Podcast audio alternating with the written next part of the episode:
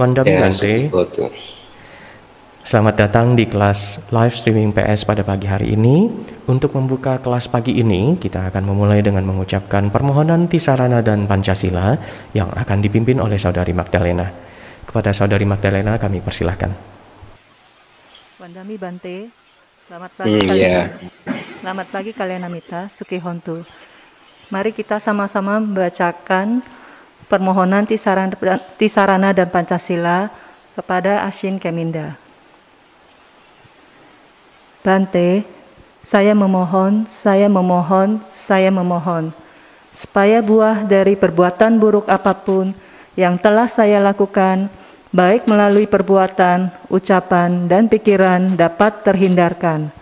Dan demi memperoleh jasa kebajikan yang akan memberikan limpahan kepada saya dengan umur panjang, kesehatan, kebebasan dari segala bahaya dan bencana, saya merangkapkan kedua telapak tangan, beranjali dan memberikan puja, menghormat dan bersujud penuh dengan kerendahan hati kepada Tiratana, Buddha, Dhamma, dan Sangga untuk kedua kalinya, untuk ketiga kalinya.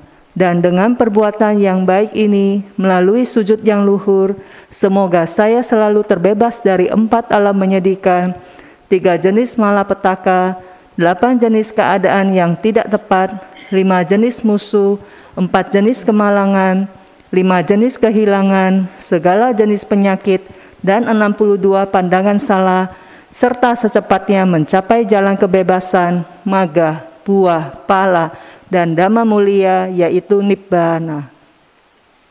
Ahang bante ti saranena saha panca silang dhammang yacami anugahang katwa silang deta me bante dutiyampi ahang bante ti saranena saha panca silang damang yacami anugahang katwa silang deta me bante tatiyangpi ahang bante.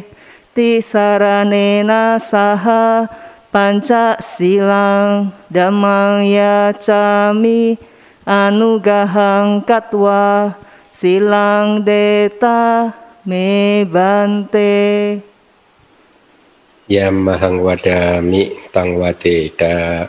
ama bante Namo tassa bhagavato arahato sama sambuddhasa.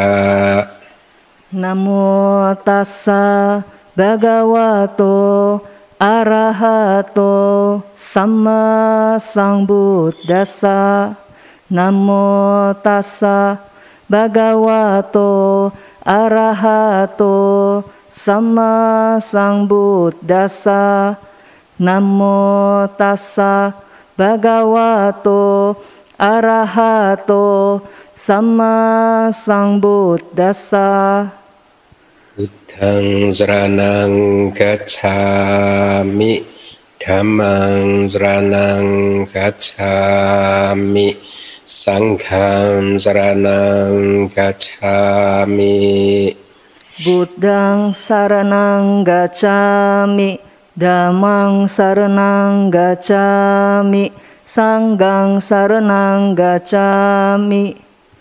Dutiyampi Buddhang saranang gacchami. Dutiyampi Dhammang saranang gacchami. Dutiyampi Sanghang saranang gacchami. Dutiyampi Buddhang saranang gacchami, Dutiyampi Dhammang saranang gacchami, Dutiyampi Sanggang saranang gacchami.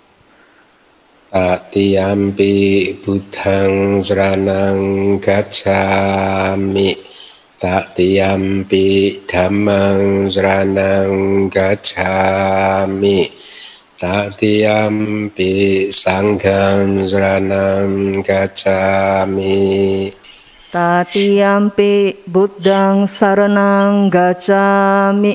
Tatiyampi dhammang saranang gacami. Tatiyampi sanggang saranang gacami. Israna ganang paribunang Amabante Panati pada wera manisika padang samadhiyami Panatipata Wera manisika padang samadhiyami Adina dana wera manisika padang samadhiyami Adinadana Wera manisika padang samadhiyami Kame sukmica cara wera manisika padang samadhiyami Kame sumica cara Wera manisika padang samadhiyami Musawada wera manisika padang samadhiyami Musawada Wera manisika padang samadhiyami Surameraya majak pamadatana wera manisika padang samadhiyami Sura meraya majapamadatana Wera manisika padang samadhiyami idame punya Idang me punyang asawakaya wahang. Asawakaya wahang. Otu. Hotu idang me silang. Idang me silang. Nibbanasa. Nibbanasa. Pacayo. Pacayo Hotu. Hotu. Ti sarane nak saha Pancasila damang sadukang katua pemadena sampadeda Amabante Sadu Sadu Sadu.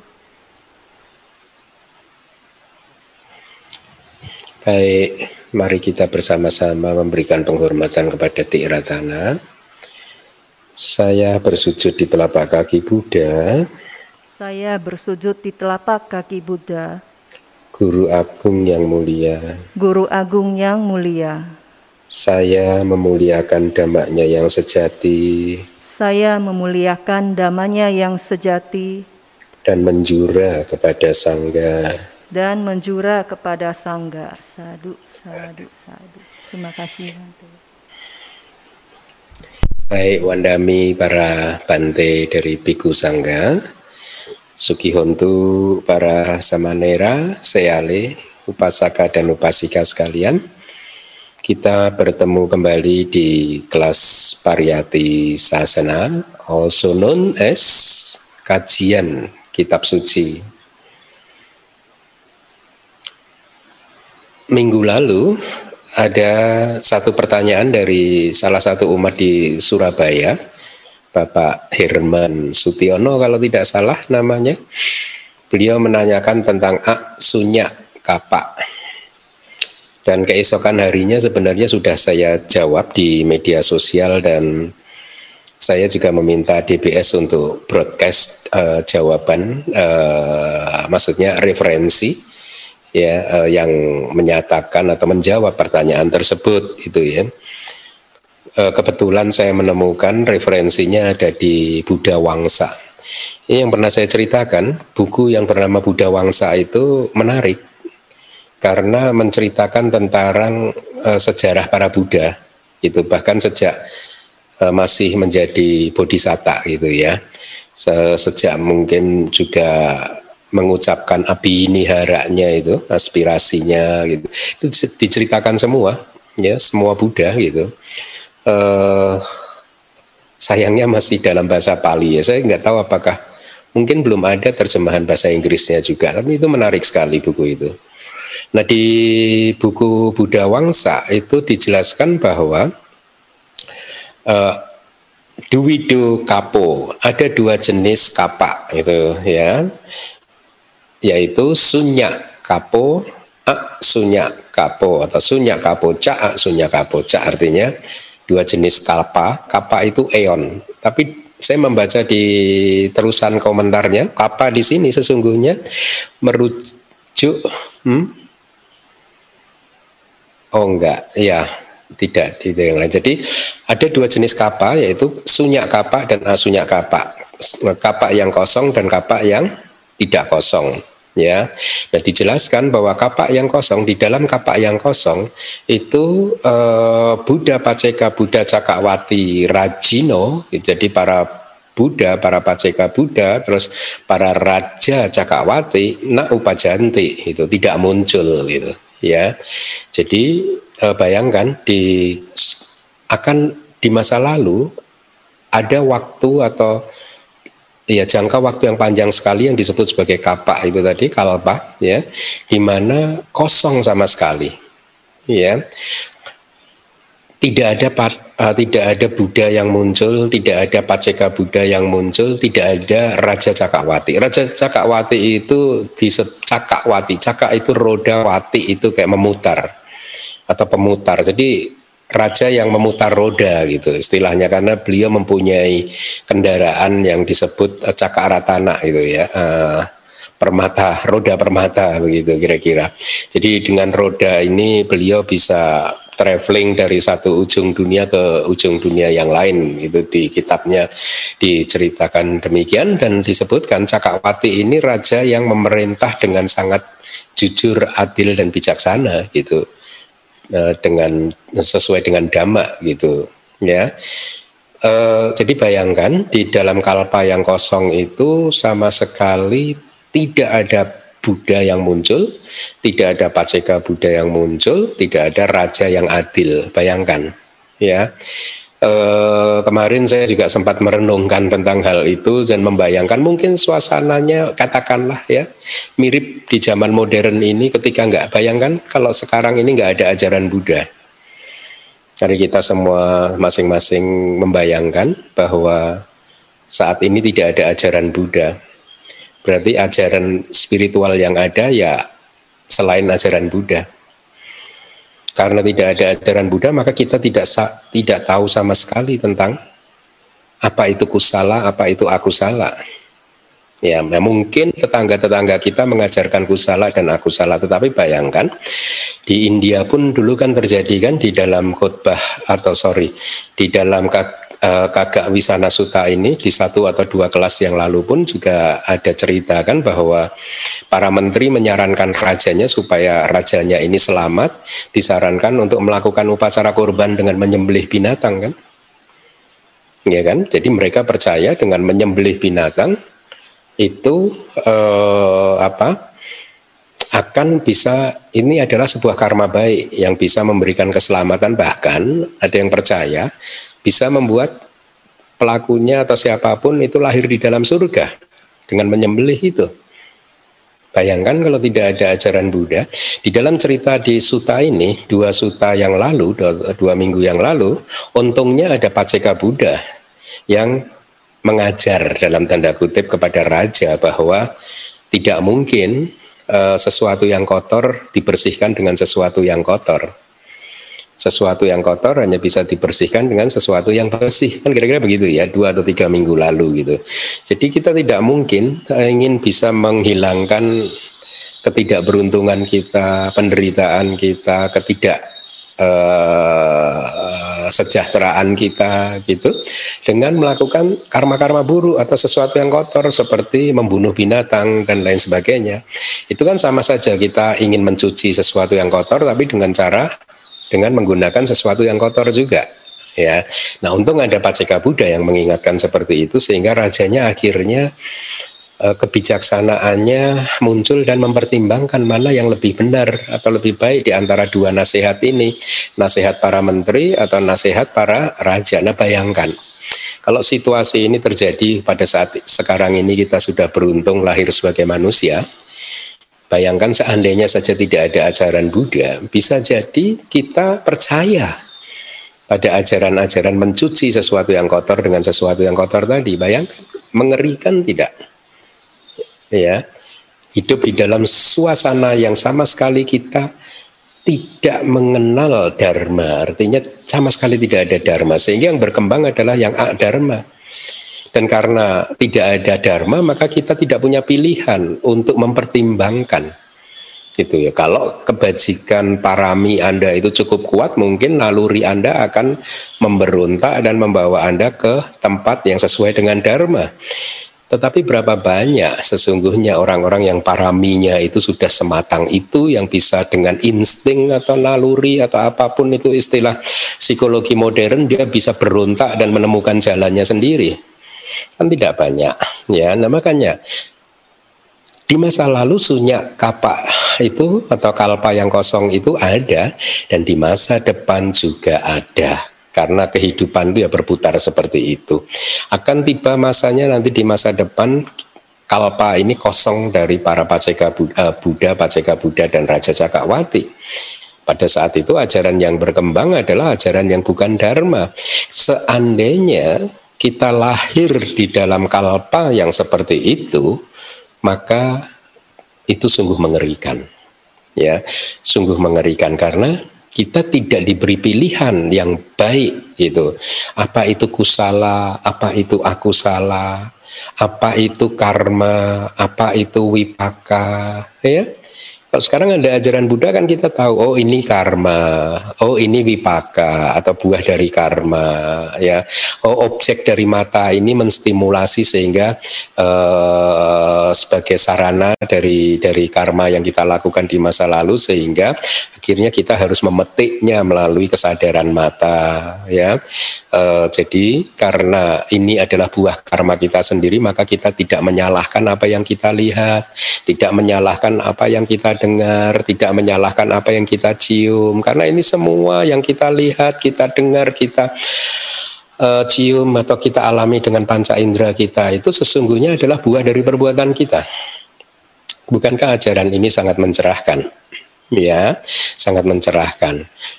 Uh, dulu ketika belum menjadi Buddhis, saya berpikir bahwa uh, uh, ada sesuatu di luar diri saya yang bisa membuat saya sial katakanlah begitu. Ya yang membuat saya ini sehingga akhirnya memang diajarkan ya untuk menyalahkan mereka gitu. Kalau ingin hidup ini tentram ya mereka harusnya nggak ada di muka bumi ini. Kira-kira begitu. Ada ada yang mengajarkan seperti itu. Tetapi untung ketemu dengan ajaran Buddha yang memilah-milah oh ini karma oh ini buah karma kita sendiri. Ya kan ajaran Buddha itu intinya ajaran Buddha tidak pernah menyalahkan orang lain atau benda di luar diri kita sendiri. Segala sesuatu itu kita alami itu karena perbuatan kita sendiri atau buah dari perbuatan kita sendiri. Nah, karena saat ini ada ajaran Buddha maka ada yang memberi petunjuk seperti itu dan itulah jalan kedamaian. Bayangkan kalau itu sunyak yang kosong tadi, ya kapak yang kosong tadi, tidak ada loh yang memberitahu hal seperti itu. Akhirnya mereka yang lahir di kapal yang kosong itu akan terus melakukan karma buruk. Meskipun sudah lahir sebagai manusia yang harusnya ini adalah tempat tujuan kelahiran yang baik, tetapi akhirnya tidak ada perkembangan spiritual ya karena tidak ada guru yang bisa menunjukkan kepada uh, mereka tentang apa yang disebut jalan dan apa yang disebut bukan jalan. Di sunyak yang kosong atau sorry di kapak yang kosong itu tadi juga itu seseorang dikatakan gitu menganggap sesuatu yang bukan jalan sebagai jalan. Ya, begitu.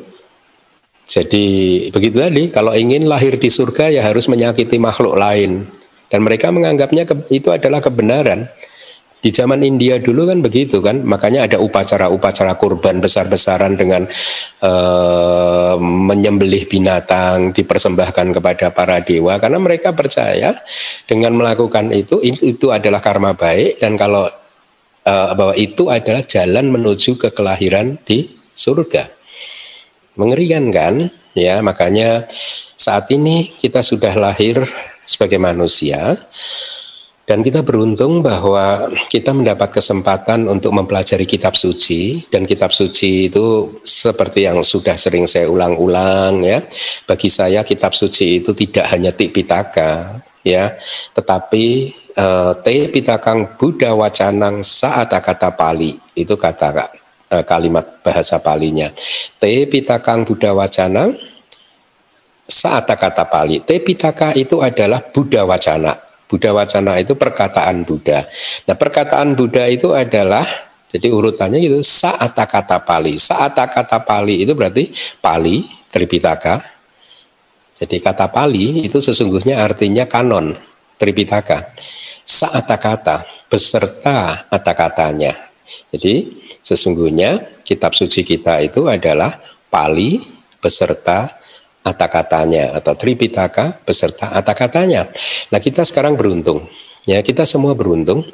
Saya beruntung. Saya pun sering merenung bahwa, bahwa saya ini juga beruntung, bersyukur bahwa akhirnya di dalam kehidupan kali ini mendapatkan kesempatan untuk mengajarkan Tripitaka dan kata-kata.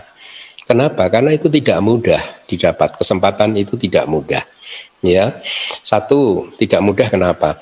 Ketika murid uh, faktor-faktornya begini. Bisa jadi muridnya siap untuk mendengarkan, tetapi kitanya, gurunya tidak siap untuk mengajar karena kita belum bisa membaca Tripitaka dan kata-kata. Belum bisa membaca bahasa Pali. Padahal muridnya sudah siap. Ya.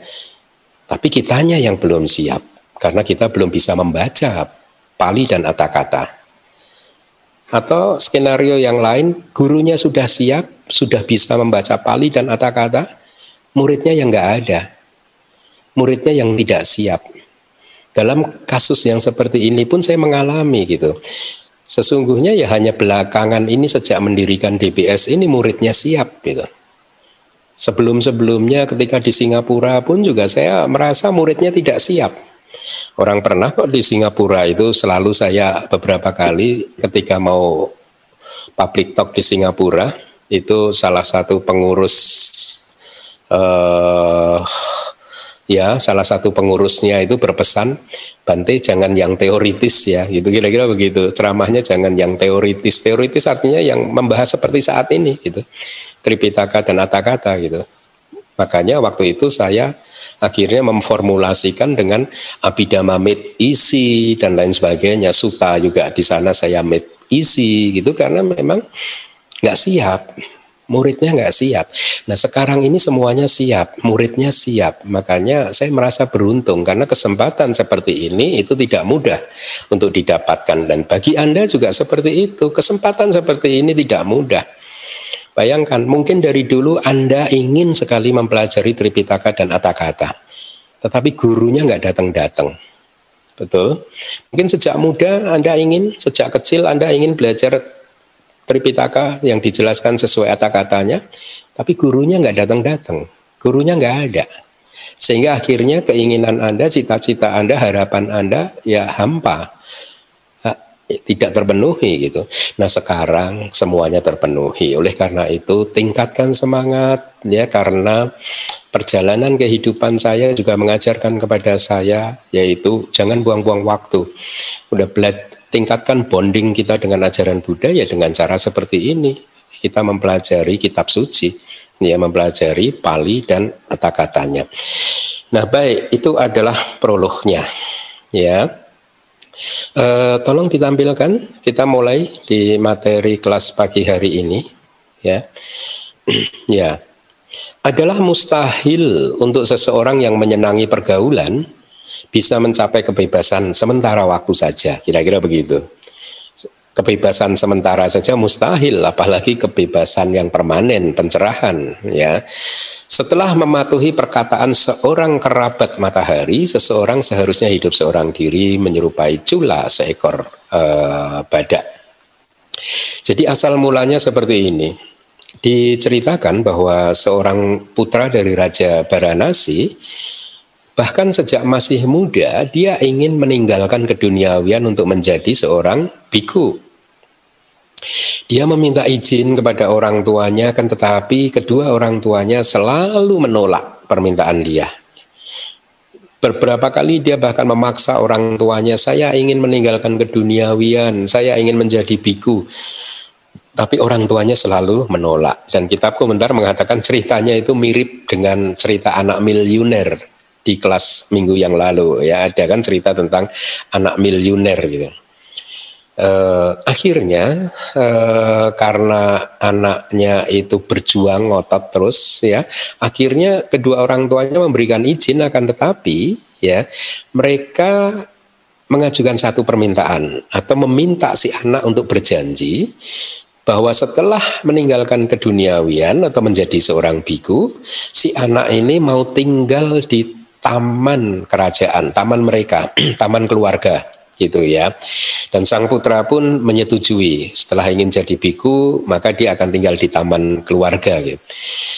Nah, uh, singkat cerita uh, anaknya sudah menjadi biku dan pada suatu pagi di pagi hari itu ibunya Permaisuri pergi ke taman dengan diiringi oleh 20 ribu penari wanita dan setelah memberikan putranya artinya mempersembahkan kepada putranya bubur dan makanan kecil, sang ibu pun bercakap-cakap dengan putranya hingga tengah hari. Bayangkan dari makan pagi sampai tengah hari. Kalau di Myanmar jam makan pagi itu jam 6 pagi. Ya jam 6 pagi. Kalau di Indonesia saya set jam 7 pagi karena supaya memberi kesempatan uh, umat-umat untuk bangun agak siang. ya kalau di Myanmar jam 6 pagi. Nah, Uh, jadi ibunya setelah berdana makan pagi bercakap-cakap dengan anaknya sampai siang hari, tengah hari itu. Dan di siang hari ibunya pulang memasuki kota. Ketika ibunya pulang dilanjutkan ayahnya yang datang di tengah hari berdana makan siang kepada anaknya yang sudah menjadi biku dia dana makan siang setelah itu pun setelah dana makan siang sang ayah bercakap-cakap dengan putranya hingga petang hari Ya jadi seharian diisi hanya untuk bercakap-cakap saja dengan ibu dan ayahnya gitu. Dengan cara demikian uh, si anak menjadi seorang biku uh, yang menjadi seorang biku itu menjalani kehidupan kebikuannya gitu ya dengan model seperti itu tadi selalu menemui ayah ibunya gitu ya. Nah, pada waktu itu seorang paceka Buddha yang bernama tolong slide-nya ditampilkan Adicak Bandu. Adicak itu matahari, Bandu itu kerabat ya. Jadi seorang kerabatnya matahari ya, tinggal di lembah Nandak Mulaka di pegunungan Himalaya. Ketika mengarahkan perhatiannya, dia melihat anak muda ini dan kemudian berpikir, pemuda ini mampu meninggalkan keduniawian tapi tidak mampu memotong kekusutan. Kekusutan itu jadak, kekusutan itu banyak arti. Bisa kekusutan karena keterikatan dengan keluarga, orang tua, anak, eh, kadang juga keterikatan dengan pekerjaan-pekerjaan wihara, eh, keterikatan dengan buku eh, dan lain sebagainya gitu ya. Jadi Paceka Buddha ini melihat dia udah jadi biku tapi belum mampu memotong kekusutan ya. Lalu dia mempertimbangkan akan menjadi terlalu lama sebelum dia menjadi kecewa jijik uh, nibida ya jijik uh, secara alamiah. Jadi artinya Paceka Budanya itu merasa kalau ditunggu secara normal supaya kemunculan dari nibidanya, kejijikannya terhadap samsara ini, ini akan terlalu lama gitu. Akhirnya dia memutuskan saya mau memperlihatkan dia sebuah objek seperti di kelas-kelas yang sebelumnya. Nah singkat cerita Paceka Buddha berdiri di taman untuk tujuan memperlihatkan diri supaya dilihat oleh pemuda tadi gitu ya. Para pengawal raja melihatnya dan menginformasikannya kepada raja. Wahai raja, seorang paceka Buddha telah datang. Raja bergembira karena berpikir bahwa sekarang putranya akan hidup senang, bahagia karena ada teman yaitu seorang paceka Buddha itu pikiran ayahnya itu. Raja pun dengan penuh hormat akhirnya melayani paceka Buddha dan memohonnya supaya mau tinggal di taman. Bahkan raja membangunkan apa pun untuk mengakomodasi Paceka Buddha. Membangun kuti, tempat tinggal di siang hari dibangunkan dan tempat untuk berjalan-jalan juga dibangun ya dan membuat Paceka Buddha ini tinggal dengan nyaman di sana. Ketika sudah tinggal di sana, pada suatu hari Paceka Buddha mendapatkan kesempatan untuk bertanya kepada pemuda tadi, ya biku muda tadi, siapa kamu? Gitu. Terus dijawab, saya adalah seorang biku. Paceka Buddha kemudian berkata, hei, akan tetapi biku-biku itu tidak seperti kamu, tidak seperti ini, maksudnya begitu. Terus biku muda tadi menjawab, wahai Bante, lalu seperti apa biku itu gitu? Apa yang tidak pantas dari saya, kata si biku muda tadi. Kemudian Paceka Buddha berkata, apakah kamu tidak tahu apa yang tidak pantas untuk diri kamu sendiri? Terus uh, bukankah ibumu datang di pagi hari dengan 20 ribu perempuan dan menghancurkan uh, kesendirian kamu, menghancurkan pengasingan dirimu, dan bukankah ayahmu datang di siang hari hingga petang hari dengan pasukan dalam jumlah besar, dan bukankah para penjaga dari ayahmu itu tadi tinggal di sini untuk menjaga kamu sepanjang malam? Biku yang asli tidak seperti kamu. Mereka seperti ini kata si Paceka Buddha. Kemudian eh, ketika Paceka Buddha itu masih berdiri di hadapan si biku muda tadi, dengan kesaktiannya Paceka Buddha memperlihatkan kepada biku muda tadi salah satu tempat atau salah satu kuti di Himalaya.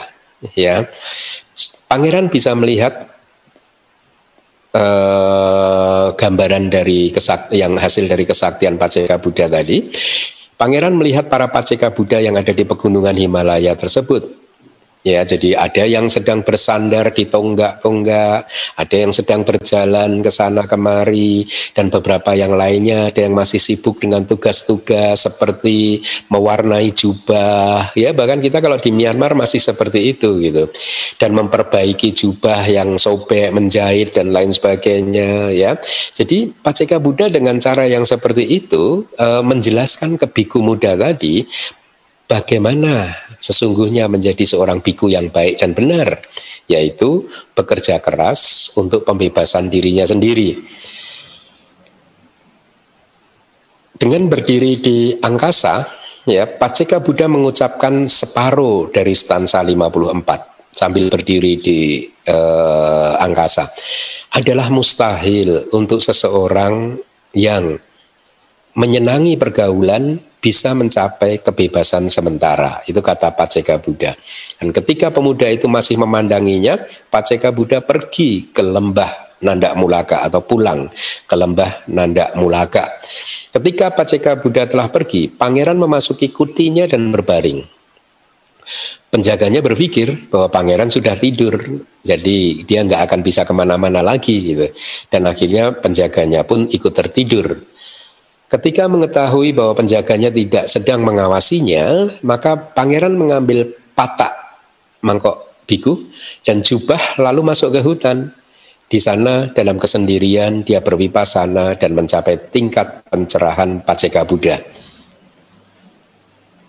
Ketika dia ditanya bagaimana dia mencapainya, lalu dia mengucapkan stansa 54 menyelesaikan setengah stansa yang diucapkan oleh Adi Cak Bandu. Jadi ini adalah arti stansanya. Kebebasan sementara itu artinya pencapaian meditatif duniawi atau jana. Disebut sebagai kebebasan sementara karena seseorang bisa terbebas dari kualitas-kualitas mental yang sangat merusak, yang berlawanan hanya ketika dia berada di dalam jana tersebut gitu ya. Makanya pernah pada suatu uh, hari itu ada seseorang yang mengatakan kepada saya, salah satu kawan saya itu takut berada atau tinggal di kuti tertentu gitu. Saya sempat berpikir gitu, eh kenapa dia takut gitu. Sedangkan saya tahu dia itu menguasai jana gitu. Seharusnya dengan bantuan dari pencapaian meditatifnya dia bisa mengalahkan ketakutannya. Memang seperti itu. Ya, ya meskipun dikatakan di sini selama berada di dalam jana dia bisa mengatasi itu, tetapi biasanya efeknya adalah selama beberapa jam tergantung dari kebijaksanaan dari yang bersangkutan, selama beberapa jam atau bahkan satu hari setelah keluar dari jana pun batinnya masih tetap positif. Jadi ketika batinnya itu yang muncul adalah maha kusala terus, maka ketakutan tidak akan bisa muncul. Ya, jadi sempat saya berpikir begitu, ya kenapa ya dia takut tinggal di kuti ini ya? Gitu. ya, uh, jadi begitu. Saya lanjutkan. Arti dari setelah mematuhi perkataan seorang kerabat matahari itu adalah yang ini, artinya perkataan yang adalah mustahil yang di atas itu ya jadi dia mematuhi alinea yang pertama itu gitu ya nah eh, saya meninggalkan kesenangan di dalam pergaulan karena mematuhi perkataan dari Paceka Buddha tadi si biku muda tadi akhirnya meninggalkan kesenangan di dalam pergaulan dan kemudian berlatih dengan hati-hati dan akhirnya bisa mencapai tingkat kesucian atau pencerahan sebagai seorang paceka Buddha. Jadi sisanya adalah sama seperti yang telah dijelaskan di kelas-kelas yang terdahulu. Stansa yang berikutnya nomor 55, saya telah mencapai pemutarbalikan pandangan-pandangan, telah mencapai kepastian dan mendapatkan jalan. Saya telah memunculkan pengetahuan dan tidak akan dituntun oleh orang-orang lain. Seseorang seharusnya hidup seorang diri menyerupai cula seekor badak. Jadi asal mulanya adalah diceritakan di Baranasi seorang raja merenung seperti ini seperti halnya panas dan lain-lain adalah lawan dari dingin dan lain-lain. Lalu, apakah ada atau tidak ada akhir dari watak ini? Watak V A T titik T titik A. Watak ya. Watak itu adalah artinya siklus kelahiran kembali. Jadi seorang raja merenungkan ada nggak sih sebenarnya akhir dari siklus kelahiran kembali itu ya eh, satu keadaan yang berlawanan dengan siklus kelahiran kembali ini, watak ini. Akhirnya dia bertanya kepada menteri-menterinya dan menterinya menjawab, kami mengetahuinya wahai para raja, wahai raja, apa itu? Ditanya oleh rajanya, mereka menjawab dengan menjelaskan pandangan salah tentang sasata didik dan upat uh, uceda didik. Ada dua pandangan salah, sasa tak didik dan uceda didik. Sasa tak didik itu adalah pandangan salah yang menganggap satu faham yang menganggap bahwa ad, ad, uh, kehidupan ini kekal, ada kekekalan di dalam kehidupan ini. Ya, dulu kan bahkan saya berpikir kelahiran di surga itu kekal. Jadi waktu itu ada sasa tak didik di sana karena memang guru saya mengajarkan itu gitu ya. Nah kalau uceda didik itu tentang kemusnahan kehidupan ini setelah ini musnah nggak ada lagi. Hati-hati jangan terjebak pada dua pandangan salah ini gitu ya.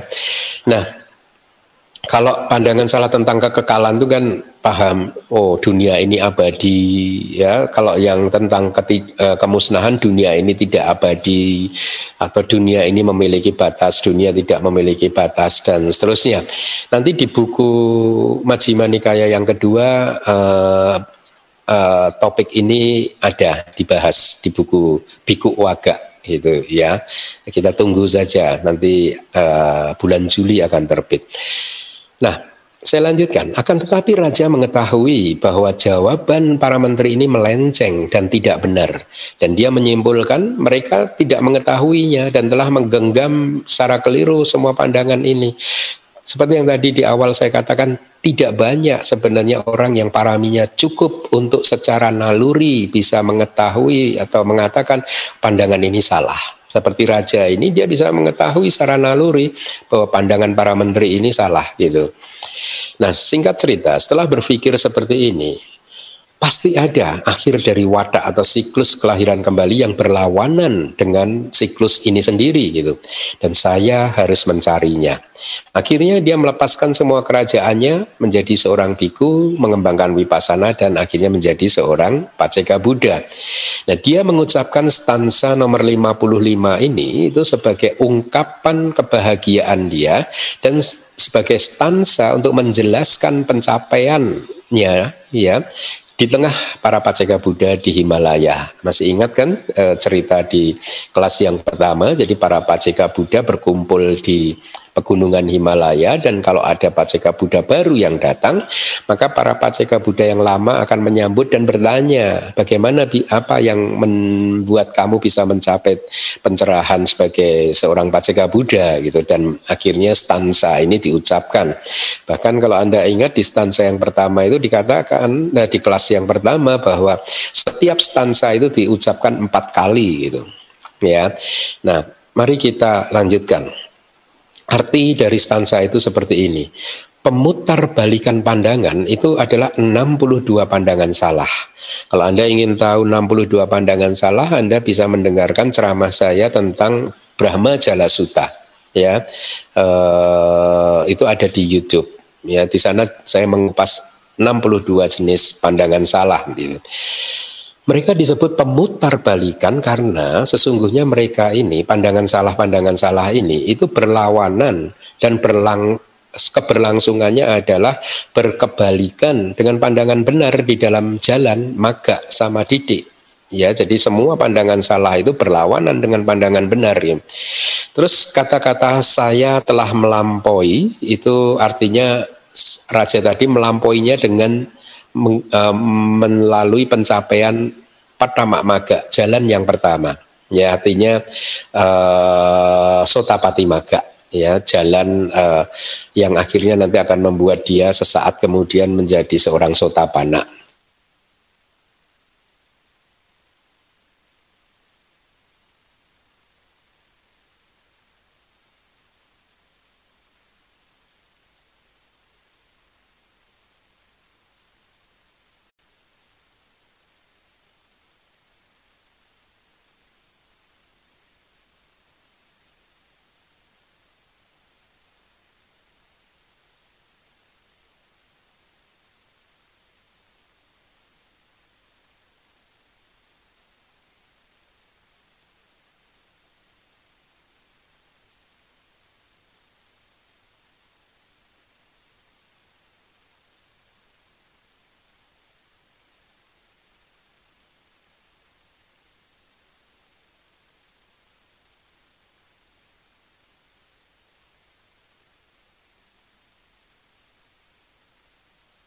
ya padi sebanyak ini dibuang maka lebih baik kalau ini bisa diberikan kepada mereka yang membutuhkan. Dan makanya raja memerintahkan untuk membuat aula karena dia akan melakukan dana besar-besaran. Lalu seorang menterinya mencegah dia dan berkata, Nati dinang raja, nati dinang itu tidak ada manfaat dari dana raja ya itu adalah dasak waduka sama didik. Dasak waduka sama didik itu adalah uh, 10 ground, 10 landasan untuk munculnya pandangan salah, yaitu paham yang mengatakan bahwa tidak ada manfaatnya berdana, nadi dinang nadi hitang nadi hutang gitu. Artinya tidak ada manfaatnya berdana, tidak ada manfaatnya untuk melakukan dana besar-besaran, tidak ada manfaatnya untuk melakukan upacara kurban. Uh, korban itu bukan menyembelih binatang di sini. Korban itu ya benar-benar mengorbankan harta benda miliknya dan untuk diberikan kepada orang lain gitu ya bukan membunuh binatang. Kemudian tidak ada manfaatnya melayani ayah, melayani ibu, ya.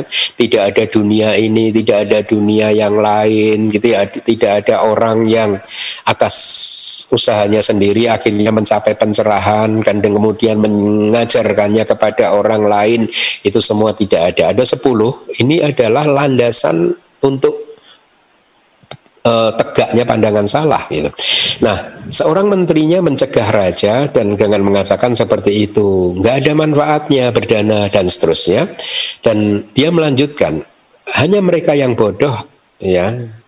Uh, dia mengatakan begini, ini ini pandangan salah yang ada juga di 62 pandangan salah atau ada juga di ceramah saya tentang Brahma Jala Sutta. Jadi mereka uh, menterinya itu berkata seperti ini baik mereka yang bodoh ataupun mereka yang bijaksana, setelah mengembara di dalam samsara untuk jangka waktu yang tertentu, akan mencapai akhir dari duka. Ada loh yang seperti itu, ya. Udahlah hidup itu dijalani saja, nanti juga akan ada akhirnya. Itu. Ini pun pandangan salah. Gitu. Jadi dilanjutkan lagi menterinya berkata, "Wahai Maharaja, dana itu sesungguhnya adalah ajaran mereka yang bodoh." Raja pun akhirnya merasa kecewa dan berpikir, "Oh, saya bahkan tidak dapat kesempatan untuk memberikan harta benda milik saya sendiri. Lalu teman-teman ini apa manfaatnya untuk saya?" apa baiknya untuk saya? Demikian kata raja. Dia pun akhirnya karena kecewa melepaskan kerajaannya menjadi biku dan akhirnya menjadi paceka Buddha. Gitu. Lalu dia yang ingin mencela teman-temannya tadi, yang jahat tadi, menteri-menterinya, mengucapkan stansa ini sebagai ungkapan kebahagiaan. Berikut ini adalah makna ringkas dari stansa yang ada di layar. Teman yang jahat adalah teman yang dilengkapi dengan 10 basis atau 10 ground, 10 landasan untuk pandangan salah yang tadi. Tidak ada manfaatnya berdana, tidak ada manfaatnya melayani ibu, melayani ayah dan seterusnya gitu ya. E, itu adalah teman yang jahat yang mempunyai pandangan seperti itu ya. Jadi hati-hati kalau anda mempunyai teman yang seperti itu hati-hati gitu ya. Kalau anda terus bergaul ada resikonya yaitu anda tertular paham dia gitu ya. Terpapar paham pandangan salah dia. Seseorang yang mapan di dalam ketidakharmonisan artinya mapan atau kukuh, kekeh gitu di dalam perilaku tubuh yang buruk, di dalam perilaku lisan yang buruk. Seorang putra dari keluarga yang baik-baik, yang menginginkan manfaat, harusnya menghindari teman yang jahat seperti itu. Orang yang tetap kekeh di dalam perilaku tubuh dan ucapan yang tidak baik itu harus dihindari gitu. Kemudian arti seseorang hendaknya tidak bergaul secara bebas dengan seseorang yang memiliki maksud terselubung dan juga ceroboh. Artinya adalah seseorang hendaknya tidak bergaul secara bebas dengan orang yang berpandangan salah tidak menyenangi, tidak menyukai kenikmatan-kenikmatan indriawi. Kita juga harusnya tidak bergaul dengan orang-orang yang menyenangi, menyukai kenikmatan-kenikmatan indriawi. Kalau teman Anda ada yang suka misalkan minum minuman keras, ya itu kan untuk kesenangan indriawi saja kan. Anda harus menghindarinya atau mungkin sukanya main ke diskotik, itu kan juga mencari kesenangan atau kenikmatan indriawi kan. Anda harus menghindarinya gitu ya.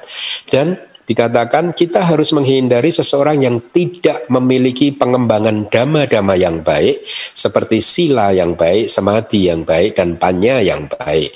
Kalau hanya punya teman seperti itu, maka lebih baik hidup sendiri seperti cula tunggal seekor badak. Itu artinya. Ya. Next stanza. Bergaulah dengan orang yang terpelajar yang merupakan seorang pembawa dhamma. Ya, jadi Anda kalau ketemu teman yang seperti itu, bergaulah dengan mereka. Ya, seorang teman yang istimewa, orang seperti itu adalah orang yang istimewa. Dia adalah orang yang memiliki kecerdasan. Setelah mengetahui manfaat-manfaat dan menyingkirkan kebimbangan, seseorang seharusnya hidup seorang diri menyerupai cula seekor badak. Jadi diceritakan asal mulanya adalah ada delapan paceka Buddha Bodhisatta. Jadi Bodhisatta yang akan menjadi paceka Buddha. Bodhisatwa yang akan menjadi paceka Buddha. Ya, delapan paceka Buddha Bodhisatta ini menjadi biku di bawah bimbingan Buddha Kasapa. Setelah memenuhi kewajiban kepergian dan kepulangan, tahu ya di kelas pertama atau uh, kelas pertama mungkin itu saya jelaskan. Jadi kewajiban kepergian dan kepulangan itu artinya sejak dia memegang jubah memegang patah, ingin berpindah patah, sejak itu dia selalu fokus pada objek meditasinya dan ketika pulang pun juga fokus kepada uh, objek meditasinya. Ada praktek yang seperti itu gitu. Bahkan di Myanmar itu ada seado yang prakteknya seperti ini. Hmm, dia selalu mulutnya itu selalu terisi air gitu kan demi mencegah supaya dia tidak berbicara dengan orang lain gitu. Jadi mulutnya selalu dia mengini air itu apa itu istilahnya gitu ya. Itu ada yang seperti itu gitu. Eh, banyak sih eh, cerita-cerita tentang seado-seado di Myanmar di uh, tahun 1900 gitu. Itu banyak uh, yang menarik gitu. Saya lanjutkan. Jadi setelah mematuhi melaksanakan uh, kewajiban kepergian dan kepulangan selama 20 tahun, akhirnya mereka delapan paceka Buddha Bodhisatta ini lahir di dunia para dewa.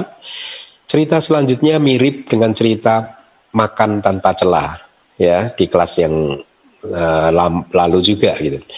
Tetapi ini perbedaannya setelah mengundang para paceka Buddha tadi untuk duduk di tempat duduk yang telah dipersiapkan, jadi eh, yang tadinya lahir di alam atau bumi dewa, para dewa, sudah lahir lagi sebagai manusia dan akhirnya sudah mencapai paceka, ke tingkat kesucian paceka Buddha.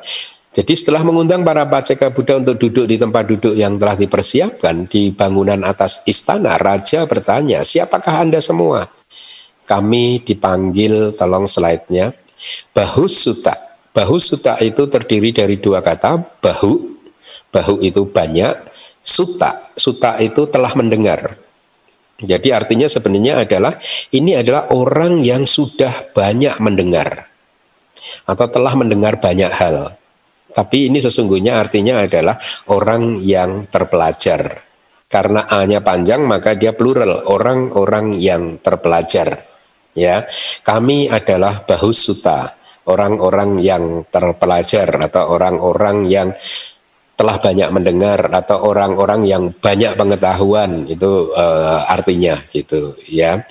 Nah raja yang bersuka cita berpikir uh, saya bernama ini di slide berikutnya. Next slide. Ya. Sutta Brahmadata itu ya. Yaitu Brahma Data yang terpelajar gitu. Jadi dia memperkenalkan namanya saya ini Suta Brahma Data gitu. Akan tetapi saya tidak pernah puas dengan apa yang sudah saya pelajari. Mari kita dengar uh, dia berpikir kan.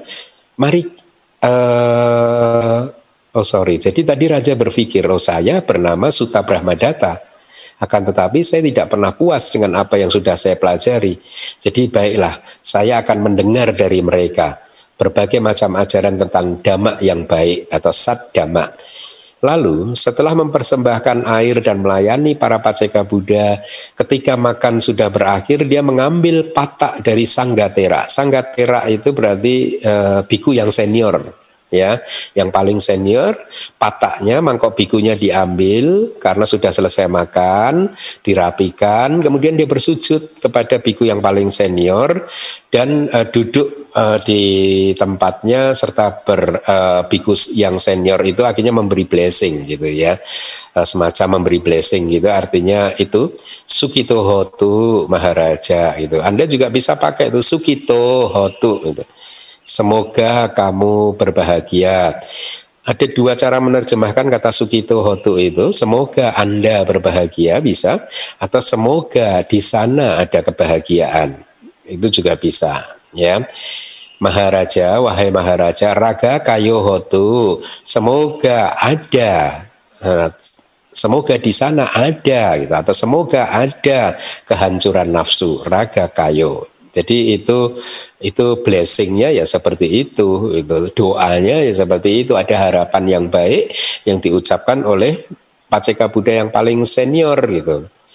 Kemudian raja bertanya, berkata, wahai Bante, mohon Bante memberikan kepada saya sebuah uh, dhamma kata, dhamma talk gitu, atau percakapan tentang dhamma gitu. Dan Tera yang paling senior berkata lagi, seperti di slide, Tolong next slide. Oh, tadi ya. Semoga kamu bahagia wahai Maharaja. Itu itu damatoknya Tera tadi yang paling senior, ya. Jadi Tera hanya berkata uh, itu uh, dan kemudian bangkit dari tempat uh, duduknya. Raja berpikir, "Oh, kalau gitu dia tidak terpelajar dong." Kenapa hanya mengucapkan seperti itu saja? Sukito Hotu Maharaja. Padahal kan raja meminta damatok ya damak kata gitu. Dia tidak terpelajar. Biku yang kedua pasti terpelajar. Besok saya akan mendengarkan berbagai damatok atau percakapan tentang damak dari dia. Dan singkat cerita raja mengundang mereka untuk makan keesokan harinya. Dengan cara demikian dia mengundang para paceka Buddha hingga akhirnya semuanya mendapatkan kesempatan untuk berbicara, memberikan damatoknya itu ya. Tapi tiap-tiap paceka Buddha ketika memberikan damatok dia hanya membuat satu pernyataan seperti paceka Buddha yang pertama yang paling senior tadi Sukito Hotu Maharaja gitu, Raga Kayo Hotu itu ya. Dan kemudian mereka bangkit dari tempat duduknya Perbedaannya hanya pada perkataan mereka yang uh, berurutan di slide. Semoga ada kehancuran kebencian, dosa kayo hotu. Semoga ada kehancuran delusi. Semoga uh, ada kehancuran kelahiran kembali. Semoga ada kehancuran siklus kelahiran dan kematian. Semoga ada kehancuran substrat. Substrat itu bahan baku dari uh, kehidupan ya agregat ini sehingga kalau substrat itu hancur agregat sudah tidak bisa muncul lagi gitu. Semoga ada kehancuran nafsu kehausan. Jadi damatoknya hanya seperti itu itu ya. Biar Anda harus ingat makanya dikatakan bahwa Paceka Buddha itu tidak mengajar sesungguhnya, tidak bisa mengajar. Ya, cara mengajar mereka ya seperti itu, tapi kitab kita mengatakan Paceka Buddha tidak mengajar dhamma tidak mengajar empat kebenaran mulia gitu ya. Nah, kemudian raja berpikir, mereka berkata mengaku sebagai orang-orang yang terpelajar, tapi mereka tidak memberikan damatok yang bermacam-macam, yang bervariasi. Apa yang mereka maksudkan ini sesungguhnya gitu. Lalu dia mulai menginvestigasinya sendiri. Nah, ini bagus ini, ini kebiasaan yang bagus. Tidak menyalahkan orang lain tapi akhirnya dia menginvestigasi, pasti ada maknanya gitu. Ya, kalau orang yang selalu menyalahkan orang lain ya begitu, oh Paceka Buddha nggak mau mengajar gitu, Bante Keminda nggak mau mengajar gitu dan seterusnya misalkan ya, akhirnya menyalahkan orang lain. Gitu. Tapi raja ini tidak, apa ya maksudnya gitu? Kok hanya mengajar seperti itu padahal mereka mengaku sebagai orang yang terpelajar. Nah, lalu raja menginvestigasi. Ini cara yang benar. Tidak menyalahkan para paceka Buddha, tapi dia menginvestigasi. Ya, makna dari pernyataan-pernyataan uh, tersebut gitu ya. Nah, akhirnya dia merenung. Para pertapa ini terpelajar dalam makna yang tanpa metafora Ya itu tadi adalah ucapan yang tan bukan metafora itu. Jadi seperti halnya seseorang yang sedang menunjuk ke bumi atau ke angkasa, dia hanya menunjuk ke satu titik, tapi keseluruhan bumi dan angkasa sesungguhnya dia tunjuk gitu. Demikian pula para paceka Buddha ini hanya menunjuk satu poin saja, tetapi sesungguhnya mereka menunjuk semua dhamma yang tidak terbatas. Nah ini bagus ya, rajanya sangat positif gitu. Oh kapankah saya bisa menjadi terpelajar seperti mereka? Jadi lihat sangat positif kan uh, mentalitasnya kan. Nah, dia yang menginginkan hal yang demikian akhirnya meninggalkan kerajaan dan singkat cerita akhirnya juga menjadi seorang paceka Buddha dan dia mengucapkan stansa uh, slide tolong ditampilkan. Terpelajar berarti ada dua jenis orang yang terpelajar yaitu terpelajar dalam hal keseluruhan pariyati sesuai dengan makna di dalam tiga pitaka. Ingat ya, pariyati itu definisinya adalah pali saata kata. Pali beserta ata katanya berarti tiga pitaka beserta ata katanya. Ya, makanya tadi kan definisinya begini. Pariyati iti te pitakang buddha wajanang saata kata pali. Pariyati iti. Pariyati berarti Tripitaka, Tepitakang yang merupakan Buddha wacana yaitu yang merupakan perkataan Buddha yaitu Pali saata kata Pali beserta ata katanya jadi pariyati itu definisinya seperti itu. Meskipun hanya disebutkan di situ tiga pitaka, tetapi dipahami tiga pitaka beserta ata katanya ya. Jadi arti dari terpelajar ada dua, yang satu adalah terpelajar dalam hal penguasaan pariyati dan yang kedua adalah terpelajar dalam hal penembusan karena telah ditembusnya jalan dan buah, maga dan pala. Kemudian juga ditembusnya pengetahuan yang sejati dan juga pengetahuan yang istimewa. Pengetahuan yang istimewa itu adalah uh, arahata pala, buah kearahantaan. Gitu. Arti dari pembawa dhamma juga sama seperti itu. Ya, pembawa dhamma itu artinya ya itu tadi seperti yang ada di layar. Seseorang yang istimewa, teman yang istimewa artinya istimewa dalam hal perbuatan tubuh, lisan dan juga batinnya juga istimewa. Memiliki kecerdasan artinya kecerdasan dalam hal pariyati ya, kecerdasan dalam hal membuat pertanyaan, kecerdasan dalam menjawab pertanyaan, dan juga kecerdasan dalam hal pencapaian meditatif. Seseorang yang memiliki kecerdasan dalam hal pertanyaan adalah orang yang tahu cara membuat pertanyaan dan juga menjawab pertanyaan-pertanyaan dari orang lain tentang makna dari ajaran Buddha. Apa yang mustahil dan apa yang tidak mustahil dia sangat paham. Arti dari kalimat setelah mengetahui manfaat-manfaat adalah melalui kekuatan spiritualnya dia mengetahui berbagai manfaat yang dibedakan menjadi atau ke dalam manfaat untuk diri sendiri, manfaat untuk orang lain, manfaat untuk keduanya, manfaat untuk kehidupan yang saat ini dan manfaat untuk kehidupan yang akan datang. Dia tahu itu semua. Arti dari setelah menyingkirkan kebimbangan artinya menyingkirkan kebimbangan seperti misalnya apakah saya eksis di masa lalu? Apakah saya akan masih akan eksis di masa depan? Dia sudah tidak bimbang lagi. Itu ya. Next stanza. Ya, ini saya lompati lagi stanza 61. Ini adalah sebuah ikatan Kebahagiaan di sini adalah kecil. Memiliki sedikit kesenangan saja kebahagiaan di sini itu. Artinya kebahagiaan di dunia ini ya. Tapi penderitaannya di sini adalah lebih banyak. Ini adalah sebuah kail setelah mengetahui demikian, seorang yang memiliki pemahaman seharusnya hidup seorang diri menyerupai cula seekor badak. Jadi diceritakan bahwa di Baranasi ada seorang raja yang bernama seperti di slide, pada lola Brahmadata. Brahmadata pada lola si kaki-kaki yang goyah lola itu goyang gitu. Jadi Brahmadata si kaki-kaki yang goyah gitu. Di pagi hari setelah makan bubur atau nasi, dia selalu mengunjungi tiga kelompok penari di rumah-rumah mereka yang besar gitu ya.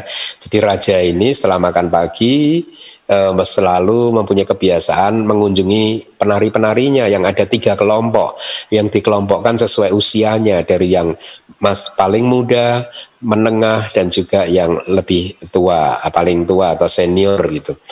Konon tiga kelompok ini adalah warisan dari ayahnya, itu raja yang sebelumnya. Pada suatu pagi dia mengunjungi rumah kelompok penari-penari yang muda dan para penari ini karena ingin membahagiakan rajanya berusaha melakukan performance, uh, performance uh, menarikan tarian-tariannya supaya bisa memikat hati raja dan juga bahkan bernyanyi dan juga memainkan alat musik demi memikat hati raja. Tapi raja tidak puas dengan mereka dan berpikir, hmm, ini nggak istimewa gitu.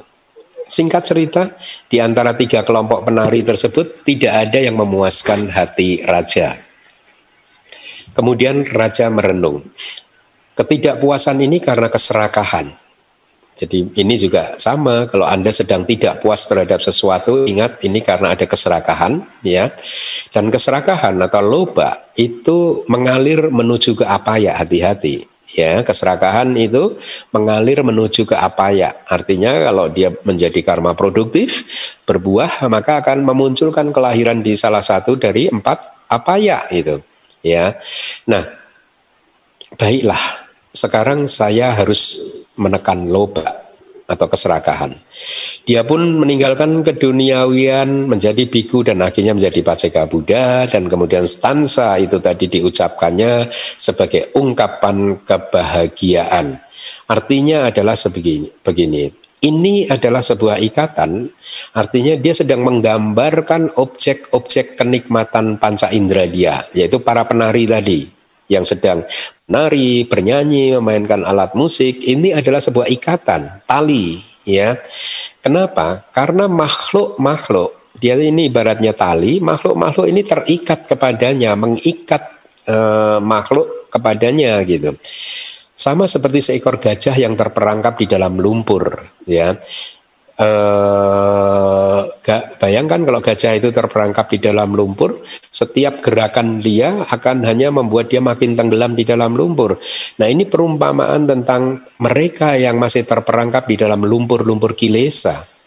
Setiap gerakan mereka membuat mereka semakin terjerat atau uh, terperangkap di dalam lumpur kilesa tersebut, ya.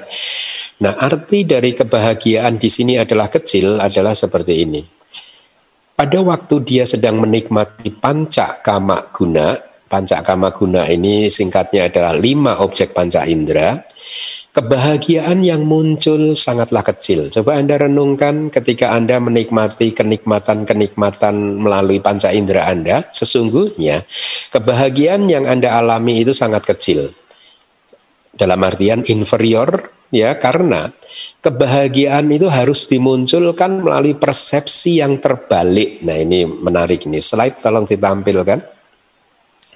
Kalau Anda sedang men, terjebak ingin menikmati objek-objek panca indera dan Anda merasakan bahagia, next slide tolong ditampilkan. Yang wiparitaksanya ya. Maka ya ini adalah kebahagiaan yang inferior ya kebahagiaan yang sesungguhnya itu sangat trivial, sangat kecil sekali gitu. Kenapa? Karena kebahagiaan itu harus dimunculkan melalui wipari taksanya atau persepsi yang terbalik. Artinya persepsi yang terbalik itu apa? Kita berpersepsi bahwa kebahagiaan ini abadi, kekal. Padahal sesungguhnya anicca. Kita berpersepsi bahwa ini adalah kebahagiaan, padahal sesungguhnya ini duka. Kita berpersepsi ini ada saya, ada diri yang sedang menikmati kebahagiaan. Entah tarian, nyanyian, musik, dan lain sebagainya. Ada saya, ada diri yang sedang menikmati kebahagiaan. Padahal sesungguhnya anata. Oh ini adalah sesuatu yang indah, suba. Padahal sesungguhnya asuba, tidak indah. Jadi lihat ketika Anda terjebak dalam kenikmatan-kenikmatan seperti itu, coba amati persepsi Anda. Persepsi Anda sedang terjungkir balik.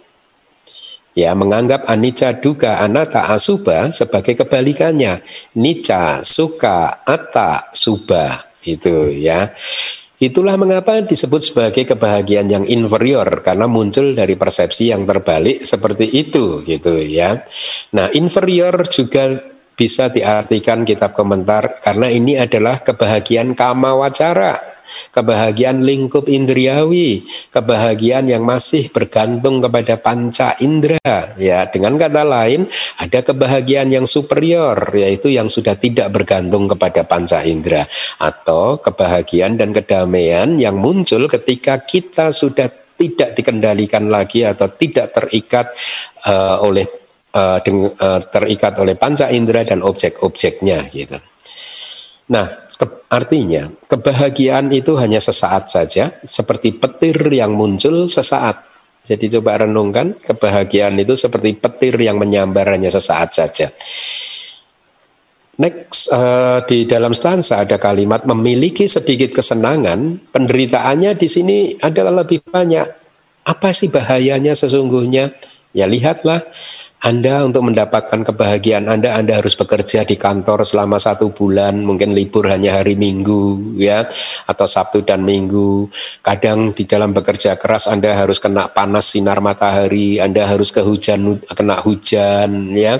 Kadang harus menyerempet-nyerempet bahaya dengan cara mungkin cekcok dengan orang lain, kilesa Anda akhirnya harus muncul. Kadang mungkin seseorang bahkan bekerja untuk mengumpulkan uang dengan cara melanggar bersila ya uh, dan lain sebagainya. Lihat itu bahayanya.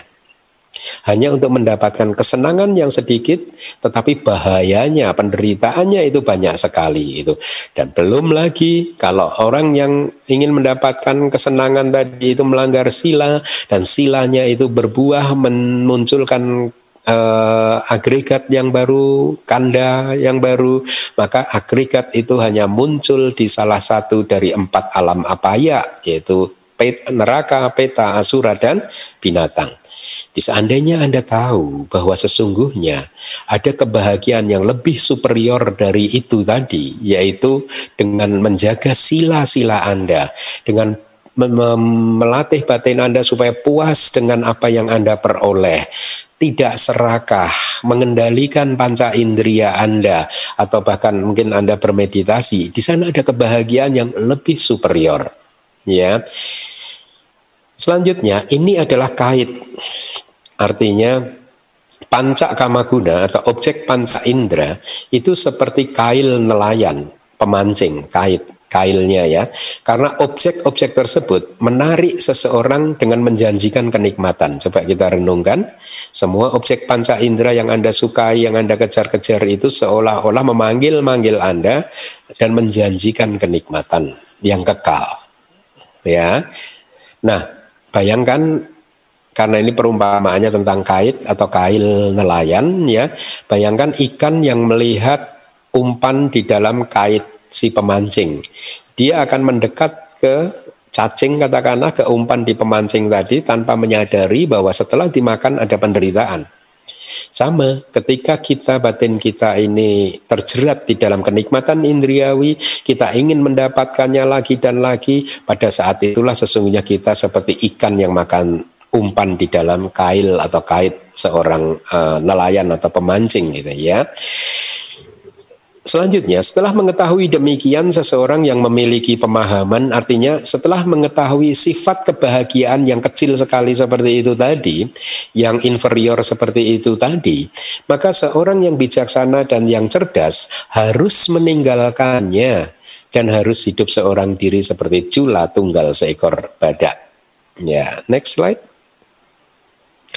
Di waktu yang tepat seseorang mempraktekkan uh, meta, keseimbangan batin, belas kasih dan kegembiraan yang apresiatif untuk uh, kebebasan. Ini sesungguhnya meta, UPK, karuna dan mudita. Urutannya agak tidak standar ya. Harusnya kan meta, karuna, mudita, UPK, tapi teksnya memang seperti itu. Meta keseimbangan batin itu UPK, belas kasih itu eh, apa karuna kegembiraan yang apresiatif itu eh, mudita untuk kebebasan. Kita mempraktekkan meta karuna mudita UPK untuk kebebasan. Tidak bermusuhan dengan semua dunia, seseorang seharusnya hidup seorang diri menyerupai cula seekor badak Diceritakan seorang raja tertentu, ya jadi tidak disebut ini raja Baranasi atau raja di mana gitu, adalah seorang yang menguasai jana melalui meta, karuna, mudita dan upeka, empat Brahma wihara ya. Jadi dia menguasai kalau meta, karuna, mudita itu bisa sampai jana satu, dua dan tiga, tapi upeka itu adalah jana yang keempat gitu ya. Jadi dia menguasai semua jana ini satu, dua, tiga dan empat dengan objek meta meta, karuna, mudita, dan upeka. Nah dia berpikir, kerajaan ini adalah halangan sesungguhnya untuk pencapaian kebahagiaan di dalam jana. Dia sadar itu. Demi menjaga janaknya, dia meninggalkan kerajaannya dan akhirnya menjadi biku. Singkat cerita, akhirnya dia jadi paceka Buddha. Dan stansa ini adalah ungkapan kegembiraan dia. Tolong disambil tampilkan next slide. Meta sengaja saya buat supaya Anda mengerti ya. Meta atau cinta kasih adalah kualitas keinginan yang membawa keselamatan dan kebahagiaan bagi makhluk lain dengan cara seperti ini. Semoga semua makhluk menjadi bahagia. Sabe sata sukita hontu ya. Itu meta. Kemudian karuna, belas kasih adalah kualitas keinginan yang menjauhkan semua makhluk itu tadi dari kemalangan dan penderitaan dengan cara seperti ini. Ah, semoga mereka benar-benar terbebas dari penderitaan-penderitaan ini. Nah, ini bisa jadi doa-doa Anda gitu ya. Kalau Anda ingin memunculkan meta ya Anda terus mengucapkan gitu, semoga semua makhluk menjadi bahagia. Semoga semua makhluk menjadi bahagia. Sabi sata sukita hontu, sabi sata sukita hontu. Kalau Anda ingin mempraktekkan karuna, maka ucapkan aho wata imam haduka wimuce yung. Saya ulangi, aho wata imam haduka wimuce yung. Ya, jadi ah Semoga mereka benar-benar terbebas dari penderitaan-penderitaan ini gitu. Atau kalau Anda ingin mempraktekkan mudita, next slide. Ke, karena kegembiraan yang apresiatif atau mudita adalah kualitas keinginan agar mereka semua makhluk itu tadi tidak dipisahkan dari keselamatan dan kebahagiaan yang sedang mereka alami dengan cara berkata di dalam hati ini e, mereka sedang bergembira mereka bergembira astaga wahai saudara-saudara makhluk-makhluk bergembira bagus bagus atau bagus dan baik. Modanti watak bonto sata modanti sadu sudu itu ya. Jadi uh, uh, itu bisa diucapkan dalam hati bisa diucapkan ketika anda juga bercakap-cakap dengan teman anda gitu. Oh mereka bergembira mereka bahagia. Astaga semoga uh, wahai saudara-saudara makhluk-makhluk bergembira itu bagus itu baik gitu ya ya itu mudita UPK adalah kualitas hati yang tidak memihak di antara suka dan duka dengan merenung seperti ini. Mereka akan dikenal karena kamanya sendiri. Ya, panya yi santi sakina kamena. Ini hanyalah satu alternatif sesungguhnya di teks-teks yang lebih uh, yang di kitab-kitab yang lain ada ada ungkapan-ungkapan yang uh, berbeda dengan ini. Itu misalkan kayak UPK itu ya kira-kira begini kalau Anda sudah membantu orang lain tapi tetap saja orang itu tidak bisa keluar dari kesulitannya atau Anda sedang uh, ketika melihat mungkin di saat ini itu di Myanmar keadaannya sedang tidak baik ya Uh, kalau Anda ingat, oh padahal para seado, para sangga di sana sudah melakukan banyak hal yang baik, tapi tetap saja negerinya seperti itu. Itu Anda bisa mempraktekkan UPK. Sata kama saka. Semua makhluk itu sesungguhnya adalah pewaris dari karmanya masing-masing. Kama yoni, kama bandu, kama padi sarana. Ya, yang kamang karisami, uh, papa kangwa kalyana, uh, kalyanawa, Uh, jadi apa pun karma yang makhluk-makhluk itu perbuat, baik yang jahat maupun yang baik, itulah yang akan mereka alami. Ya begitu itu cara mengembangkan UPK supaya hati kita tidak jatuh ke dua kutub yang ekstrim yaitu baik suka ataupun duka gitu ya. Suka itu bahayanya. Kenapa suka itu kadang kita harus menghindari suka karena suka itu bisa muncul dari kesadaran yang berakar pada loba atau keserakahan. Maka kita harus hati-hati. Kalau perasaan sukacita sedang muncul kita harus merenung. Ini loba, keserakahan atau mahakusala. Bahkan kalau batin pun sedang tenang juga kita harus merenung. Ini loba moha ya kesadaran yang berakar pada loba keserakahan atau bahkan yang berakar pada moha delusi atau maha kusala nah kita harus merenung. Nah untuk bisa seperti itu kan kita harus tahu teorinya Loba itu seperti apa? Moha itu seperti apa? Kesadaran yang maha kusala, yang baik, yang besar itu seperti apa? Dan informasi ini semua sesungguhnya hanya Anda bisa dapatkan di dalam Abidama gitu. Saya sarankan kalau Anda ingin Anda baca buku manual Abidama yang diterbitkan oleh DBS yang bab 1 dan juga bab 2. Coba Anda baca. Di sana informasinya cukup lengkap. Saya lanjutkan, Kebebasan artinya empat Brahma Wihara adalah kebebasan karena mereka terbebas dari musuhnya masing-masing. Ya, e, meta itu ada musuhnya, karuna juga ada musuhnya. Masing-masing setiap dari Brahma Wihara itu ada musuh-musuhnya gitu ya.